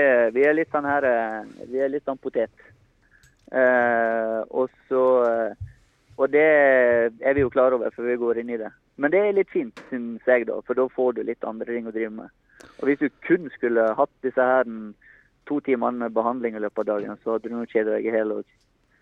Du har jo, Far din han Inge han er jo en eh, stor skiskytterfan og hopp. Han, du får ikke han med deg på noe alpinrenn? Nei, men han har blitt litt mer interessert nå siste tida. da. Jeg tror han, eh, han, eh, han har jo et, eh, et sånn her haud som ikke er helt sunt med tanke på hukommelse når det kommer til hva han vet og hva han ikke vet. Så han har jo egentlig jeg, jeg, tror nesten han vet et bedre resultater på alpint i år blant kvinner enn hva jeg gjør. Eh, så kan hende at han eh, blir litt mer eh, gira på det nå etter hvert, men eh, det, det kommer nå aldri til å trumfe verken hopp, skiskyting eller skøyter eller langrenn med han, tror jeg var inne på det, Kristian, at eh, du har litt uh, fortid som uh, fotballspiller. Men så nevner du at du må ut på klinkisen med alpinski. Har du noe erfaring fra alpin tidligere, eller er det kasta litt Nei, ut i det? Absolutt ikke. Jeg, jeg trodde For jeg har nå gått Jeg har nå steget mye inn i Stryn, jeg har alltid vært en, jeg har vært en tur til Alpene en gang. og jeg har Men jeg har kanskje vært mer opptatt av det som skjer etter skibakken, enn det som skjer i skibakken. Og, men eh, jeg trodde jo lenge at uh, Eller egentlig helt fram til min første tur, så trodde jeg jeg var en sånn uh, medium pluss på ski. Jeg har alltid følt at når jeg har stått i skibakken, så, har jeg sett på meg sjøl og tenkt at jeg har vært ganske OK. Men det har jeg nå funnet ut at det er jeg ikke. for det er det er litt annerledes, eh, det de driver med. Og det, det, er ganske Selvfølgelig, det har jo et helt sinnssykt utstyr med stålkanter som nesten kapper av hender. Men eh, eh, du må være eh, god nok til å komme deg For det er faktisk et av kriteriene for å få, få muligheten til å være fysioterapeut på landslaget, er at du må være ganske grei på ski. Måtte du gjennom test, eller? Nei, men min første tur Jeg var jo på en tidagerstur i Sveits, så det var min prøvetur. Eh, så da ble jeg godkjent. Det er på en måte en tur der de tester meg. Så da Ikke at det var noe sånn at jeg hadde eksamen eller noe sånt, men det er sånn Kitzbühel, liksom. Ja, hvordan fungerer jeg eh, sosialt, og hvordan fungerer jeg på ski, og hvordan fungerer jeg som terapeut. Så du er mye på tur, og du er mye i lag med utøverne. Så Eh, du, må, du må fungere i lag med alle hine. Eh, men da Jeg kommer meg jo opp og ned eh, fort nok hvis det skulle skje en skade, men helst sidelengs, ikke framover. Jeg tror jeg henger med deg der. Litt dumt ja. hvis fysioterapeuten blir skada òg. ja, det er det. Da er vi litt bakpå. Ja. Veldig eh, spennende å høre om din eh, hverdag, Kristian. Eh, Må bare smette inn til slutt der. Eh, jeg syns jeg eh, har sett noen hint om at du er blitt ivrig med joggesko på beina, stemmer det, eller? Eh, ja, jeg springer nå litt, men rygg på Gausemell, mener jeg jeg så et bilde. Ja, det er helt rett. Det var Og det var litt sånn Det var jo Jeg hadde jo av alle verdens ting bestilt meg en eh, flytur til Magaluf i, på Mallorca, til Palma, og skulle springe halvmaraton i nå, eh, ja, Det var vel i april, da. Men det, jo, det gikk jo ad undas eh, pga. koronaen. Og da eh, var, var vi vel hjemme i de tider, og da fant jeg ut at jeg skulle springe sånn her en virtuelt løp. For det hadde jeg lest i Fjordingen at Rasmus Gausmel gjorde. ja, hvor det gikk da? Nei, det gikk nå. For min sin del gikk det jo helt greit. Men hvis du skal sammenligne mot det han Rasmus Gausmel gjorde, så gikk det ikke så bra. Jeg sprang eh, halvmaraton da. Eh, det var et sånn 100-minuttersløp, men jeg satsa på en sånn halvmaraton. Og da sprang jeg på 1,33. Så jeg var veldig fornøyd. Yes. Ja, ja, ja. Kjem... Så, eh, Nei, men da har du jo eh, virkelig eh, lagt i selen uh, en stund, skjønner jeg, når du springer på rundt halvannen timen. Så da har du tid til litt trening òg mellom familieliv og fysioterapeutliv på landslaget, skjønner jeg. Halvmaraton på Magaluf, Frank.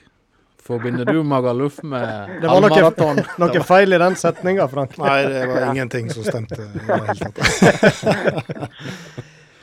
Da Kristian, eh, sier vi iallfall eh, tusen takk for en eh, hyggelig prat. Og så eh, er vi jo snart eh, sommerferietid, og kanskje litt roligere for deg òg? Eller er det samlinger det går i framover? Nei, jeg skal ikke på tur igjen før 1.9., eller overgangen der. Så jeg eh, overtar nytt hus 1.7 ute i Ski. Ja. Så jeg, jeg, og så skal jeg i pappaperm fra i juli og august. Så jeg, eh, jeg holder meg der ute i hele sommer. Da får vi ønske lykke til med både pappaperm og litt oppussing av hus. Kanskje blir det òg litt måling og flikking. Å nei. Å nei. Strøkent. ja, deilig. Høres bra ut. Da kan du senke skuldrene og nyte sommeren. ja. Flott. Tusen takk for praten, og ha en fin kveld videre. Ja, takk skal dere ha. Hei, hei. hei, hei.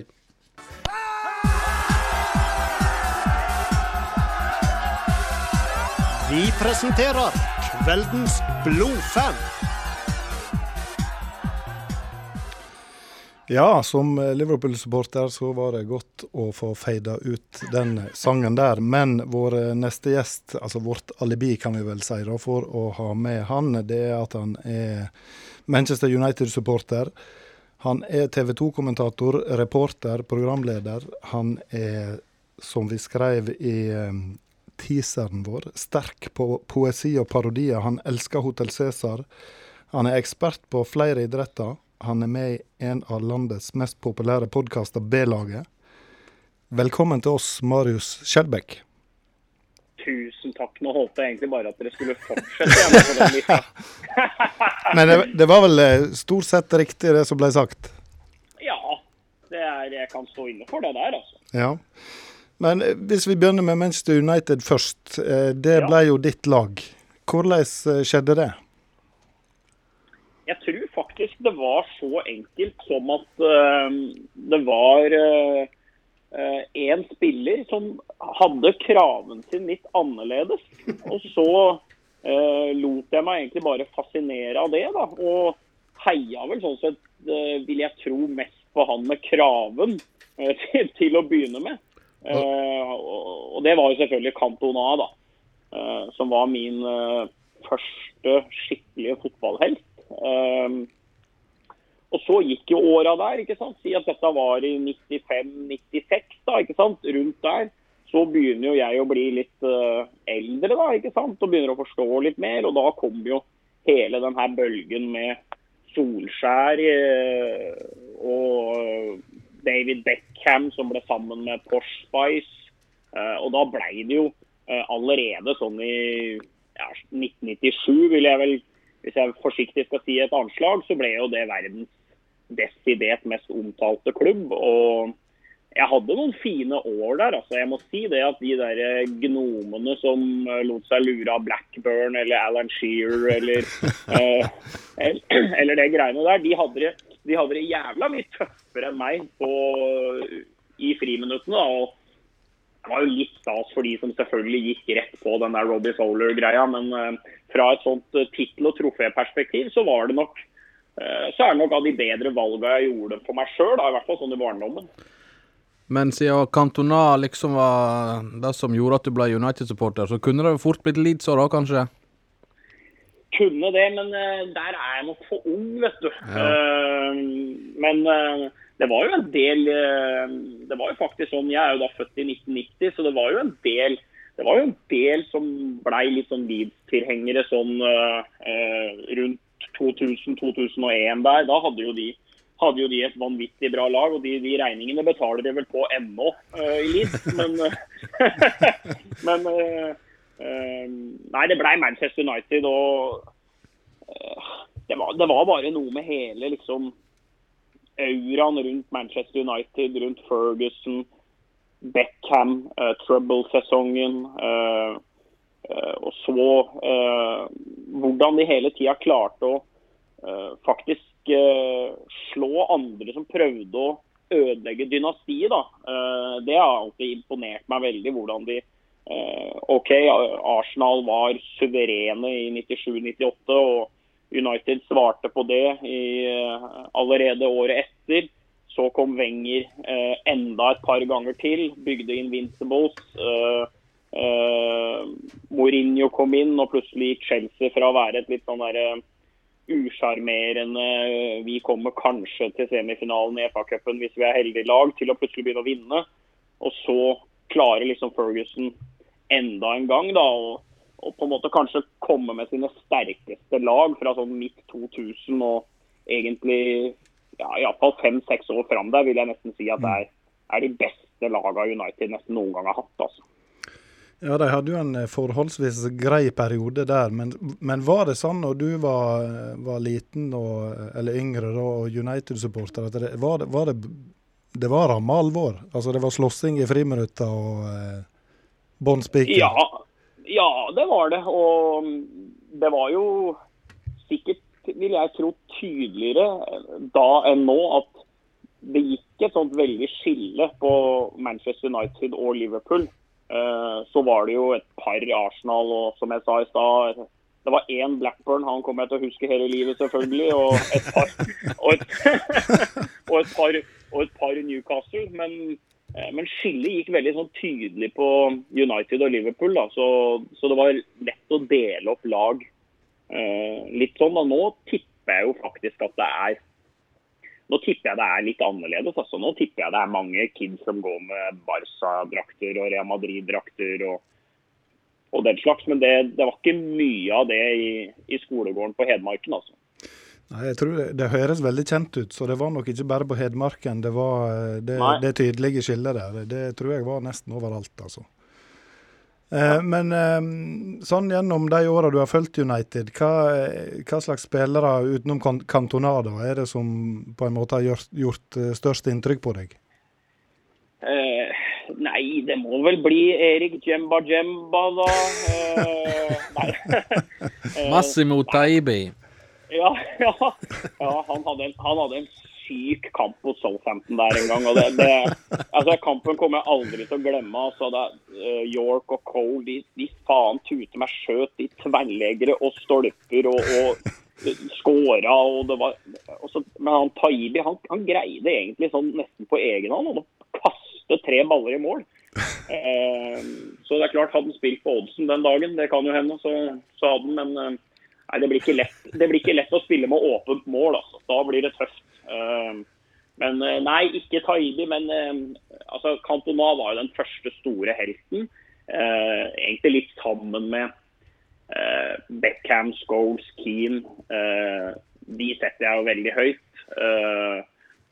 Så har det jo vært da, som kom inn og egentlig var, var den største attraksjonen en del år der og liksom da, da hans uh, periode gikk mot slutten, så var jo kanskje min, min tid som litt sånn derre fanatisk supporter litt over, da. Så jeg har, nok ikke hatt det, det, det, samme sterke forholdet til spillere som Nani, Ronaldo, Tevez. men det er jo ikke noe tvil. altså Rooney kom jo høyt. Han er jo det er, jo, det er, jo, nesten sykt vet du, at Wayne Rooney han blir jo egentlig aldri trukket fram. Han, hvis det skal være en sånn ja, nå skal vi kåre topp ti uh, United-spillere, så, så, vil Rooney komme veldig langt ned på listene. og Det er jo ofte lurt på hvordan, for han er jo sannsynligvis den mest begava engelske fotballspilleren uh, på 30 år omtrent. ikke sant? Skåra flest for United, skåra flest for landslaget bar jo egentlig United litt på skuldra sine uh, i et par kamper uh, som gikk til helvete mot Barcelona der. Uh, så, så, Rooney, da han, han, kom inn der som en sånn derre ja, Jeg vet ikke hva jeg skal si. altså Det så ut som han egentlig var dratt rett ut av en sånn derre This is football-film. og banka, Skåra vel tre i debuten sin der. Um, nei, det er mange spillere. Det, det, men si Cantona Beckham, Roy Keane, da, som kanskje liksom mm. mine tre største helter. Men Solskjær, da? Han er ikke inne på ei topp ti-liste, da? Ja, ja, han er nok det. Han er nok det. Uh, men det er liksom På en måte så har det kommet litt sånn, så nært òg, vet du, uh, de siste åra. Sånn med at han uh, har vært manager i Molde, og man har på en måte uh, jobba litt rundt, ikke sant. Og da, da, er, da har nok noe av den gloryen falt. Men det er klart, i mange, i mange, år der så var jo han en han, han, han, er nok hovedgrunnen, tror jeg, da, til at så mange i min generasjon er, er Manchester United-fans. Det, det, tror jeg så Nei, det var stort da han kom tilbake fra det lange skadeavbrekket og skåringene mot Liverpool i 99 der, Bayern i finalen. Så Nei, det var mange utrolige minner med han, altså.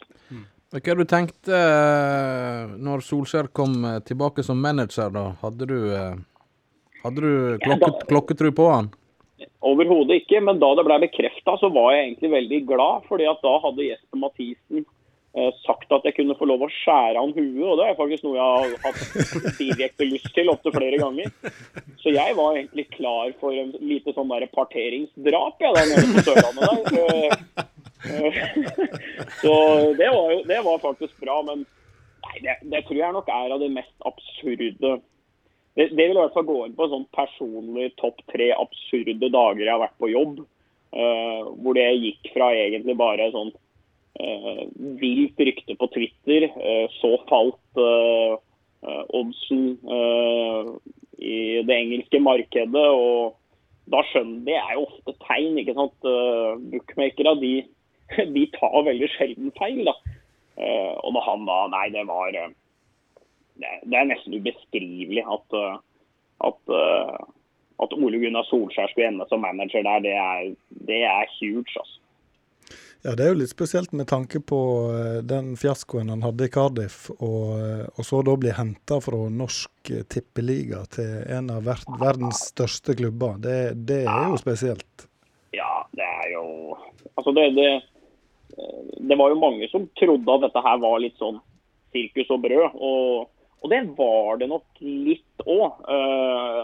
Manchester United var jo en identitetskrise som de uh, egentlig har, aldri har kommet ut av siden Ferguson gikk. og uh, Nå hadde de på en måte prøvd eh, eh, først The Chosen One, som ikke gikk. Og så henta de en rablende gal eh, nederlender eh, som ja, Det ble vel ett FA Cup-gull der, og, og, han fikk vel sparken dagen etter. Men eh, så prøver du deg liksom på eh, kanskje av de største managernavnene i, i europeisk fotball eh, de siste årene, og, og, det heller ikke gikk. og Du har liksom hatt en epoke der med Zlatan og Pogba-styr og alt sånt. Så, så, tror jeg vel at klubbledelsen følte litt at ok, her må vi bringe en av våre egne. Her, her må vi gi eh, Solskjær eh, anledningen til å si de rette orda, til å appellere til fansen og, og spille med hjertet og alt det der. Eh, men at, han, men at han, skulle overleve det, det kaoset som egentlig, egentlig han leda United gjennom mot slutten av sesongen i fjor, det, det trodde jeg faktisk ikke. Men, men, han skal ha det, Ole Gunnar. Han, han har fått litt skikk på det. Jeg syns Manchester United ser vesentlig bedre ut nå enn det gjorde på samme tid i fjor. Mm. Men eh, for min del så kan vi godt legge den United-praten litt til side nå, eh, Marius. Hvis, ja. hvis det, er greit. Men ja, eh, spennende å høre om, om, ditt forhold til klubben, som jeg forstår at du er ikke det er ikke like fanatisk som du sier, som du var når, når, du var litt yngre? Nei, det er det, det, er det ikke. Men sånn tror jeg gjelder for mange av oss. Da. Ja. Ja, det Ja, tja, får vi vel si. det blir verre og verre. ja, ja, det er det. Men nå ligger, ligger, jo vi litt på kanten av et uh, ligagull med Liverpool, og så det er klart vi er litt på, framme på stolsetet. Jeg unner dere det. Men, har, jeg, ja. jeg, må bare si til Marius at vi har jo en Luton-supporter i studio òg. Ja, har du noe ha, Luton, ja. Har du noe trøstens ord til han seint en onsdagskveld? Nei, jeg har ikke det. Eh, jeg har ikke det. Jeg har jo eh, jeg har jo faktisk landa i Luton en gang. Det er jo det nærmeste. Nærmeste trøstende ord du har. Ja. Faen, faen meg tute meg bra. vet du. Folk tror de har gjort et kupp da, ikke sant? og bestilt sånne Ryanair-billetter til 11 kroner og 50 øre. Og så blir de saksøkt omtrent fra de tenker på boardingpass og skal få den bagasjen din. Men ja, ja, nei, hvis man drar til London, da. Så lander du Hæren flytter man omtrent opp i Glasgow! Ja, det går ikke an, vet du. Det er jo, er jo faen meg dyr, er jo dyrere, og du må nesten kjøpe deg en bil vet du, for å komme deg inn til byen. Så det har jeg gjort en gang. Landa i Luton, faktisk. Og det var siste gangen? Det er siste gang jeg har vært i Luton, ja. ja. Eh, men du er, jo, eh, du er, jo, selvfølgelig fortsatt aktuell, eh, hyperaktuell med podkasten B-laget i lag med Stamsø Møller og Mathisen. Ja. Hvordan, Det har jo blitt, om ikke Norges mest populære, så er dere vel helt oppi der iallfall. Hvordan starta det? Hva var på en måte tanken bak det? For dere er jo innom det mest utrolige i den podkasten. Ja, eh, så det har jo mer eller mindre vært et journalistisk selvmord, i alle fall. Sånn relativt fritt fall, vil jeg si. Eh, dette skulle jo egentlig bli et sånt litt sånn sidestilt prosjekt til Kasper Wikestads Premier League-podkast. Eh, vi skulle ta for oss eh, den internasjonale fotballen og Serie A og La Liga og Champions League og Europa League og alt dette der. Og mm. Det var vel sånn sett et mandat vi var sånn høvelig terningkast tre-fire fornøyde med. Men uh, det er klart jobb er jobb, og vi får nå prøve dette der, da. Og, er det derav, derav navnet B-laget, da? Ja, uh, men vi var faktisk litt på det at vi ønska å finne et, uh, et litt sånn varemerke som kanskje kunne si litt om oss, da. Men eh, nei, det har vel egentlig vært Simen Stamsø Møller har jo prøvd så godt han kan, da, men det er eh, Her er det her er det rett og slett uh, for vanskelig, vel. Og nei, nå det siste året så har vi da vel knapt Vi har da vel knapt vært innom, så um, Men, men så, så, lenge folk ikke vil Altså hvis, hvis, hvis folk ville ha, ha hatt det, så, så, hadde vi jo selvfølgelig gjort det. Men det er jo det er, vi har liksom funnet litt sånn vår oppskrift. og det det er i hvert fall ganske mange, i hvert fall mange nok fornøyde med. da, Jeg tror at folk engasjerer seg litt i sånne ting òg. Jeg, eh, jeg, er jo fast uh, lytter, som du sikkert forstår. og uh, Hvis jeg anslår at dere snakker 2% fotball i podkasten her, så er vel det kanskje maks? Ja, det tror jeg. Da tror jeg, faen, jeg tror nesten du tar i òg, ja, men det, det er veldig artig å følge dere der. Eh, men det dere er innom der da, i B-laget, det er jo veldig sånne trivielle ting ofte. Dere tar jo spørsmål fra lyttere, og så snakker dere litt om, um, om deres egne erfaringer om både det ene og det andre. Um, og det er spesielt to temaer dere har diskutert som, som jeg har bedt meg veldig merke i. Fordi, selvfølgelig fordi jeg kjente meg igjen i det. Og, og det første, ja. det, det har med chips å gjøre. Ja. Og det er jo Altså, Det kan jo vi diskutere i hele kveld, men, ja. men eh, hva forhold har du til eh, chips, og hva, hva, på en måte er din eh, favoritt der? Ja, altså med, med unntak av med unntak av uh, Lofoten, uh, høyrefoten til Beckham og, og Carmen Electra, så må jo potetgull være helt der oppe av verdens mest geniale uh, ting som er skapt, for å si det sånn.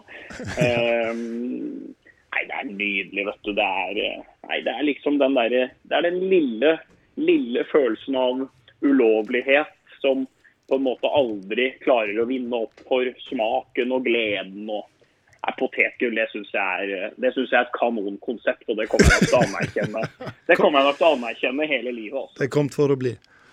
Jeg tror det. Blir det, blir det chips til middag?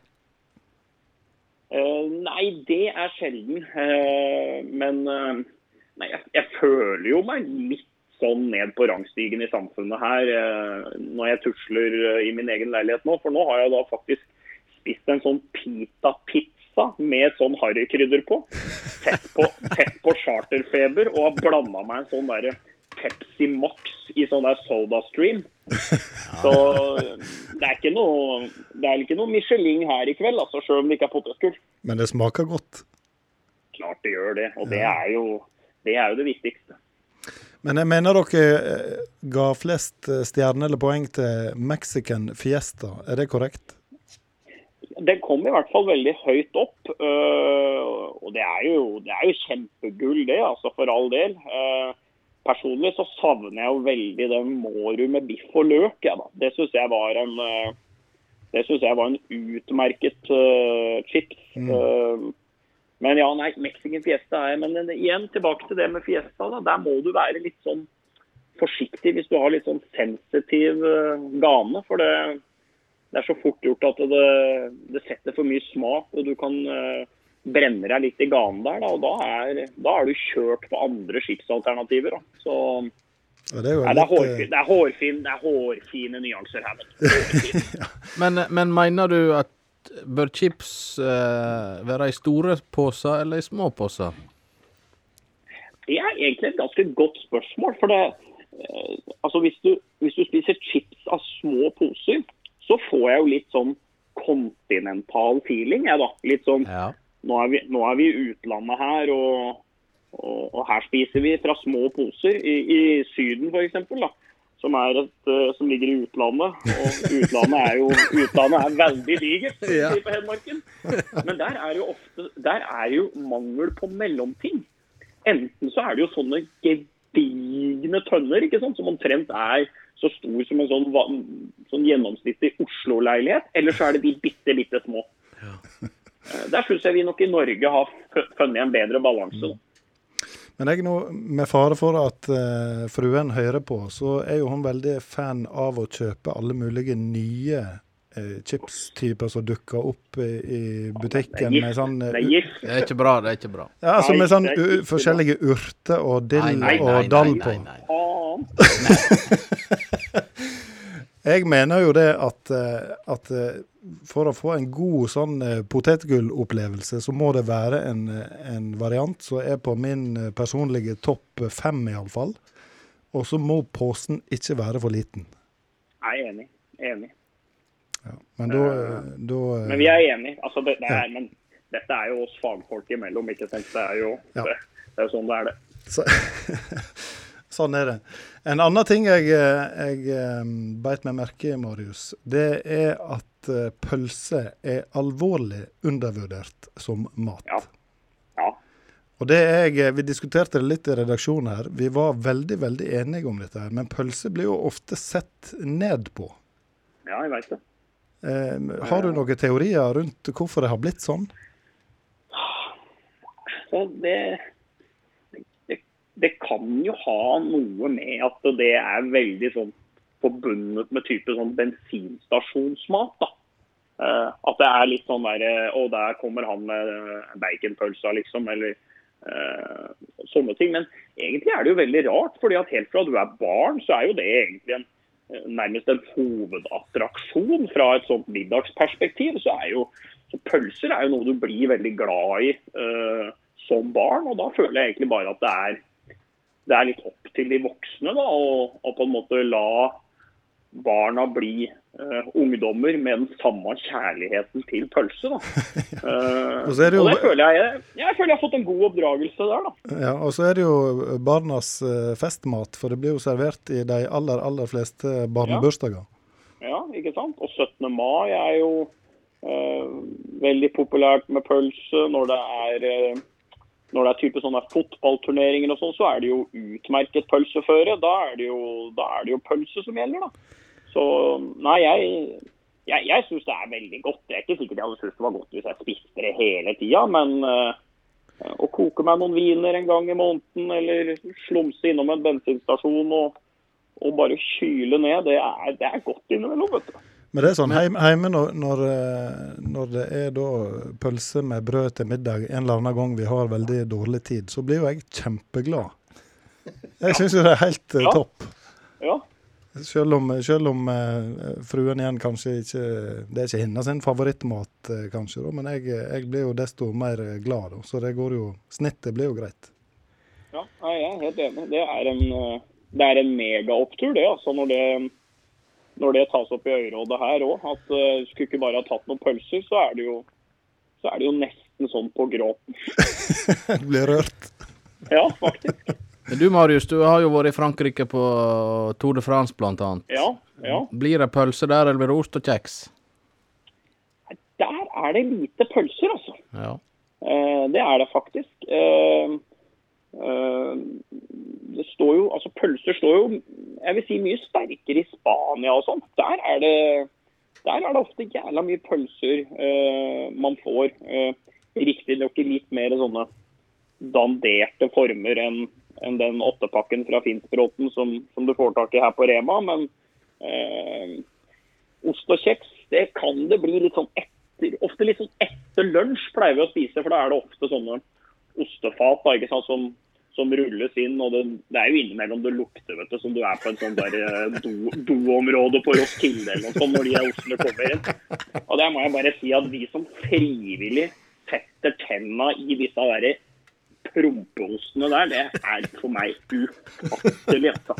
Bare hør på navnet blåmuggost. Altså, hvem, hvem det, det, hvis du, altså På et eller annet tidspunkt så må det være første gang du spiser det. Og Når du da ser det på butikken, blå muggost det, det er helt utrolig at du får hjernen din til å tenke det hørtes, eh, det hørtes faen meg godt ut. Det var kjempe Det, det, må, vi, det må vi prøve. Eh, Så nei, men sånn bri, litt sånne mildere oster, det, det kan jeg like. Brie og manchego og, og sånn. Men en, eh, en annen sak i forhold til pølse, det er jo eh, tilbehør eller garnityr. Ja, Eh, ja. Min, min personlige, desidert personlige favoritt der er rekesalat. Har du noe forhold til hva som skal oppå ei pølse? ja altså jeg er Der er jeg mer eh, Der er jeg mer raus, altså. Der er jeg der er jeg rett og slett såpass open-minded og, og, og skjønner at det verden består av forskjellige folk. Så noen vil ha potetsalat og, og rekesalat. Eh, selv så, så vil jeg ikke ha så mye klin oppe på, oppe på pølsa mi. Jeg ønsker å se pølsa. Eh, men eh, nei, er det wiener, kan jeg gjerne ha sprøløk. Er det grill, så vil jeg gjerne ha råløk. Og må selvfølgelig da ha på ketsjup og sånn først, da, så du, du får et bra lim der, da, så ikke løken sklir av. og da er det Godt poeng. Det må, det må bare- sitte fast. Ketchup er Ja, da viktig. blir det ja, Ketsjup er veldig viktig. Sennep er ikke så viktig for meg, men uh, igjen, det, det er helt greit for meg at andre, andre liker det. Så eh, det kan være riktig å si da at du, du varierer garnityren etter, etter hva type pølse det er. da. Ja, gjør, ja, gjør det, altså. Hvis det- Eh, Jeg gjør faktisk det. Hvis det er lov å si. Det, det er lov å si det, altså. Det er lov å si. Klokka er ett på halv, ett på halv elleve, så du slipper unna med den. Jeg tror det. Eh, til slutt, Marius, så, så kommer Ja. jo ikke vi helt utenom eh, din, eh, din evne til å parodiere en rekke personer. eh, og det er jo noe jeg sjøl syns er, er over snittet underholdende. Og eh, i den forbindelse så er du jo eh, rimelig flink å parodiere en som kommer fra vårt distrikt. Ja, ja. Så jeg veit ikke um, Oddbjørn Hjelmeset, hvordan eh, ser du på eh, denne koronaperioden og, og skisesongen som kommer? Er du, er du en opptatt mann for tida? Det er klart at Marit kommer. Marit kommer styrka ut, vet du. Trener bra nå i motmatchen og ryggsettene på. Det er klart at da kommer Martin. Jeg så Martin i går. Martin var helt rå oppe i. Holmenkollbakke. Unjarennet. Unjarennet i Holmenkollen. Da, da kommer Martin. Da kommer Martin. Det er klart at en det er klart at en 17-18-19 treningstimer som, eh, som gjenger vekk i, i, i sykdommer, men det er klart at da kommer da kommer det nye til, og da, da, da kommer Nordtugen. Da kommer farten på sagmuggen på Petter, og da, da kommer Petter. Altså, da kommer Petter. Oi, oi. Vi har jo hatt eh, herr Hjelmeset som gjest i vårt, eh, oh, ja. i vårt program tidligere, så eh, vi får eh, Det er godt å høre han igjen, får vi si. Det er, jo, det er jo enormt med hele Altså, Jeg har jo vært vitne til noen ganger da, eh, at eh, hvis jeg og Oddbjørn har vært på jobb sammen, og det var jo litt før, da, for da var jo broren hans Broren hans var jo eh, landslagstrener for damene. Ja, Roar, ja. Og, og ja, ikke Roar, men Roar. Roar. Det er en sånn, han må være den eneste som heter Roar, som klarer å få på en J mellom R-en og O. Roar. Så når de, to, når de to sitter og snakker sammen, så er det akkurat som den der Team Antonsen nede i Danmark. Den der Sygelcola og Camelot. Altså, dette er da to mennesker som altså stammer fra nøyaktig samme kropp, har hatt nøyaktig samme oppvekst og har nøyaktig de samme interessene. Men hvordan det er mulig å klare å prate så forskjellig på den samme dialekta, det, altså, de skjønner ikke hverandre. Er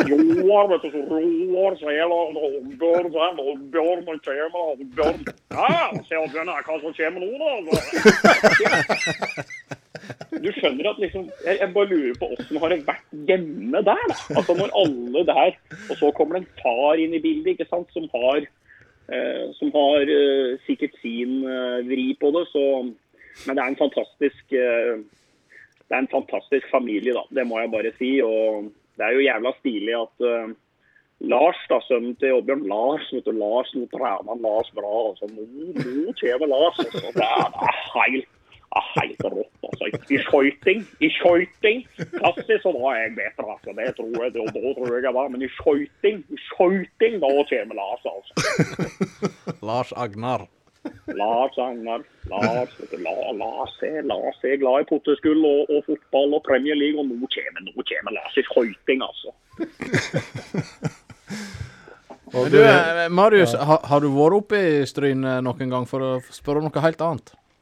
Nei, det, jeg tror faktisk ikke jeg har vært i, i Stryn. Eh, jeg prøver å tenke om, om vi har vært der i forbindelse med det derre Tour of Norway, men det tror jeg faktisk ikke. Altså, vi kom vel vi var vel i Gulen og Gursken og dette her greiene der. Eh, Brekke er det noe som heter det. Men det er vel Det er vel utafor Ja, vårt område der, veit du. ja, det er det. vet du. Det blir Sunnfjord, det. Men eh, jeg har jo vært mye i Sogndal, da. Mm. Ja, det, er- det er bra. På Fosshaugan.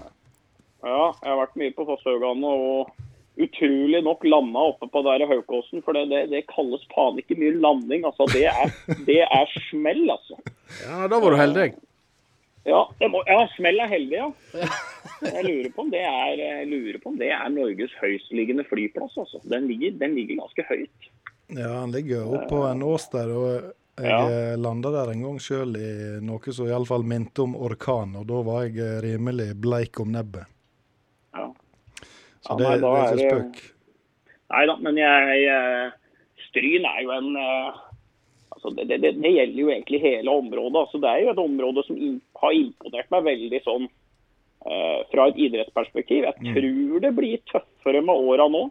Jeg tror nok at eh, den derre uh, unike uh, Den unike kulturen som ble ført videre fra generasjon til generasjon, er litt sånn i ferd med å litt sånn i ferd med å stoppe opp. Jeg ser vel ikke at det liksom dukker opp noe Tommy Øren eller Stadheim eller uh, Bakke. Uh, for den saks skyld uh, Ørjan Hopen. og det var jo, det er klart det var mange her med sinnssyke talenter. Og så var det jo veldig forskjellige veier mange av de tok. da.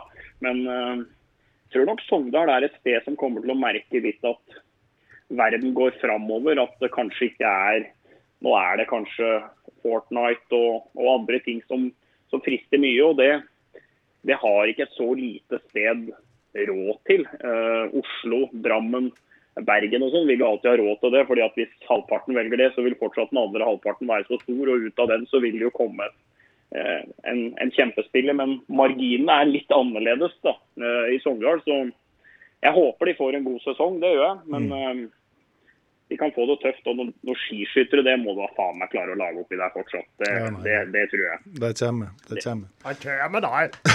Ja, da sier De kommer Tarjei nå, Tarjei, Tarjei Johannes nå. Da er det, da er det, da er det, da er det kjekt ned Rupoldinga og da er det Da, de kommer, de kommer, de. Ja da, det kommer mye, mye flotte idrettstalent oppover eh, rekkene i Stryn. eh, Så jeg, eh, vi har jo nettopp levert, og hadde tidligere i kveld gjest av ei jente som har gått til Arna Bjørnar i, i toppserien i fotball. Så eh, det gror godt i distrikta, så eh, vi får se. Men det er ikke alle som tar det å, det å, nei, det å treffe på sånne flo, flokull, det tror jeg ikke man gjør Det tror jeg ikke man gjør hvert 200 år. Altså. Nei, det, det kan du fort ha, ha rett i. Nei, men flott, Marius. Da, eh, da får vi bare bukke og takke for at du eh, tok deg tid til å være med i vårt beskjedne radioprogram. Og så eh, ser jeg fram til nye episoder med B-laget. Jeg håper det er ikke det er ikke langt unna neste. Nei, det blir nok en neste uke også. Så skal vi vel kanskje prøve litt sommerferie i år. Men et par til skal vi få til. Og så vil jeg takke dere, da. Det jo, dette, var veldig, dette var jo veldig hyggelig. Det er jo det er hyggelig å være med i en podkast slash radioprogram hvor man faktisk skal snakke litt fotball innimellom. Og litt pølse og chips òg ble det. Ja, ja, det, det hører med. Eh, Men det var jo flott. Du var, du var jo positiv hele veien til å være med, og det var jo, det var jo hyggelig. Eh, Så det er klart jeg er eh, faktisk med i et sånt quiz.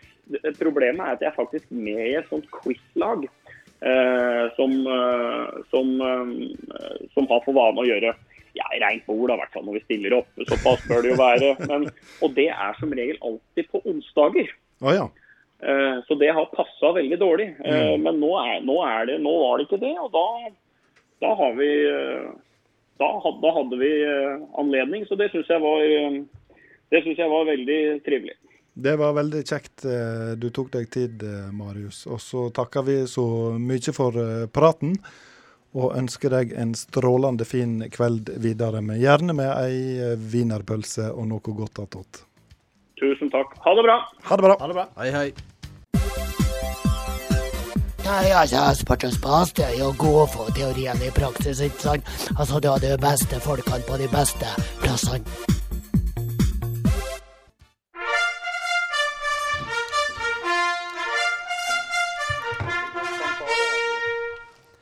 Ja, da var det den eh, kjente konkurransefanfaren, og eh, da begynte det å dra seg til der, eh, Thomas. Eh, I dag skal vi jo ha to trekninger. Vi skal trekke vinner fra sist sending, og så er det jo denne store hovedtrekninga vår, der vi skal trekke ut ei eh, hva vi kalle det, ei fruktkolonialkorg fra bunnprisolden som den gjeve premien. Yes. Ja.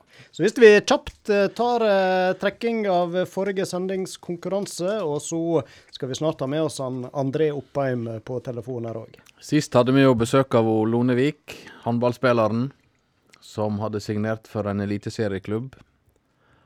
Og Frank, du husker jo da selvsagt på strak arm. Molde håndballklubb. Yes, det er helt riktig. Og vi har jo selvsagt fått eh, inn en del svar. Og med Nå husker ikke jeg hvem som trakk sist. Jeg tror det var en Frank, så da er jeg iallfall klar til å trekke. Da er det du eh, Nå skal jeg riste litt i påskeegget. Hvis det er lov å si. Skal vi se. Det må være lov. Ja, ja, ja. Klokka er kvart på elleve. Ja, ikke så mye. Da eh, er det gledelig å lese opp at eh, vinner av uh, Sportons Bass T-skjorte, det er Stig Høynes. Ah, Stig. Høynes. Haugenfotball.no.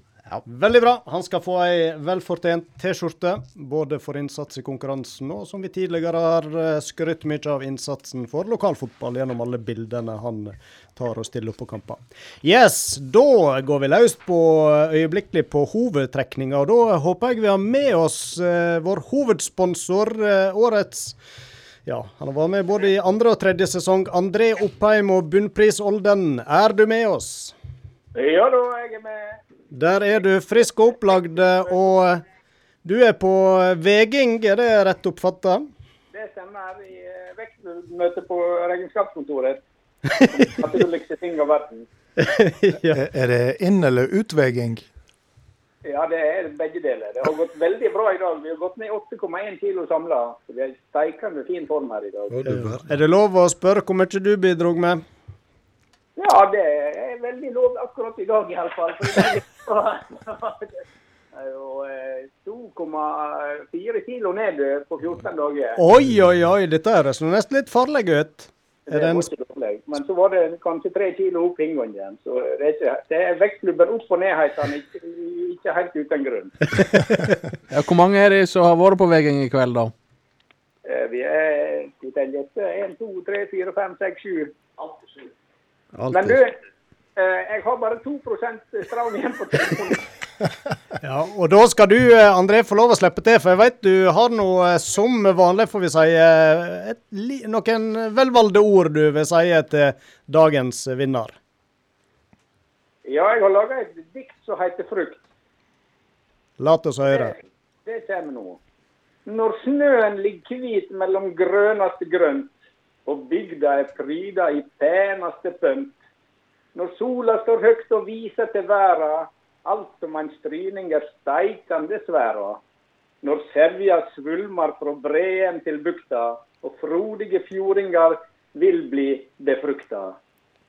Da er det jammen ekstra stas å vinne ei fruktgård fra sport og spas.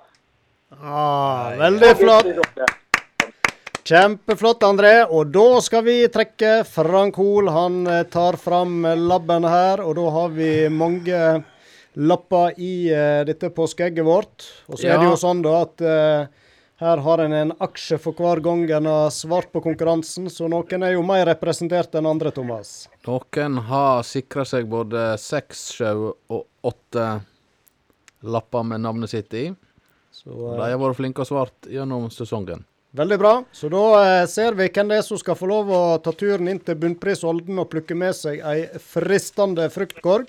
Vi kan jo nevne vi har lagt ut bilde av den og ei blid Mona Gill. Så holder fruktkorga. Det ligger på Facebook-sida til Sport om spas for de som har lyst til å se det. Det ble mange lapp Der, ja, der greide han det. Da venter vi spent. Har vi en trommevirvel fra trom, trommeren vår her? Thomas Staulle. Thomas, du må lese opp. Nei, jeg vil ikke det. Jeg tåler ikke det. Følger du med oss, André, fra Olden, eller har batteriet Ja, det, det er 1 av den vare ennå, så det går fint ennå. Eh, Da er det altså næreste familie som er trukket opp av eh, hatten, holdt jeg på å si. Der står Hilde Ullebø Hol. Oi! ja, nå, ja, den, den var jo Nå måtte vi bli tatt for å være Hilde, hjertelig velkommen inn i Olden og bli befrukta. Ja, jeg skulle til å kommentere det, men det gjør jeg ikke. Da slapp du. Vi gratulerer Hilde Ullebø Hol. Vi, vi kan garantere det her er ingen korrupsjon inne i bildet. Nei. Hun har vært flittig og sendt inn. Jeg tror hun er kanskje den som har flest aksjer her. Hun har vel svart på hver konkurranse. En verdig vinner. Det er det. Tusen takk, André. Da skal du få lov å uh, gå, Lada telefon. lade telefon og gå tilbake til vektklubben og ja, må mot passe på å få i oss litt næring nå. så- Ja, det, det må ikke gå for lågt ned, veit du. Nei, men kjempeflott. Vi takker for uh, flott sponsorat og fruktkorg. I like måte. Ha det godt. Hei, hei. Hei, hei. Så kan jeg bare skyte inn at hun, eh, Hilde er flittig å svare på konkurransene våre. Eh, hun har til gode å vinne ei T-skjorte, noe som eh, har, har vært litt tungt til tider. Eh, men nå stakk hun da av med fruktkorga fra Bunnpris Olden. Så Dette det- må være plaster på sår. Og vi Ja, hiver vel vel på ei. T-skjorte òg. Vi har jo eh, noen å gå eh, Ja, vi har vel litt på lager ennå. Og nå er det jo siste sendinga for sesongen, så vi eh, hiver med ei T-skjorte, vi. Ai, ai, ai. ai, Ai, ai, ai. Da, karer, da har vi holdt det gående vel og lenge. Det drar seg mot eh, ja, to nå- og en halv time i dag òg. Nærmer vi oss to døgn til sammen nå. Ja, nå tror jeg vi, vi har vel eh, passert det, kanskje. Ja, Ja. Husker ikke helt. Da er det hjem igjen og spise chips og pølse. Det er det. Kos oss. Og så eh, må vi nå ønske lytterne våre en fortreffelig sommer. Og så satser nå vi vel Ja. Vi satser vel på å være tilbake når det begynner å bli litt sensommer, tidlig høst kanskje. Det, skal nå det skal ikke forundre meg. Nei, det forundrer vel ingen av oss. Tusen takk til de som har bidratt til sendinga i dag. Vi starta med hun Marie Johansdottir. Så hadde vi brødrene Beines, han Gunnar og han Jon på besøk, før vi tok en eh, prat med han Christian Brynestad. Og avslutta da med selveste Marius Skjelbekk ifra TV 2-sporten, blant annet. Så sier vi òg tusen takk til han André Oppheim, Bunnpris Olden, som har vært med oss og eh, sponsa Sport om spas sesong tre. Og til slutt, takk til tekniker Ove André Årskog. Mitt navn er Roy Aron Myklebust. Brennvik, faktisk. Myklebust. og ved min venstre side Thomas Taule. og ved min ja, litt på skrå side. Frank Hoel. Tusen takk for oss. Hei, hei. Hei, hei. Hei.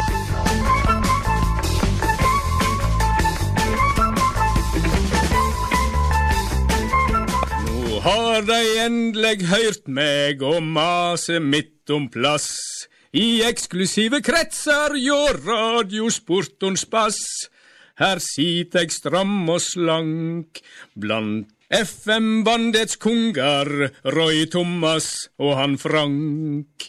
Kjøpmann André Oppheim og Bumpris Olden er stolt sponsor av Sport om spas i sesong to. Å ja! Jeg hører på radio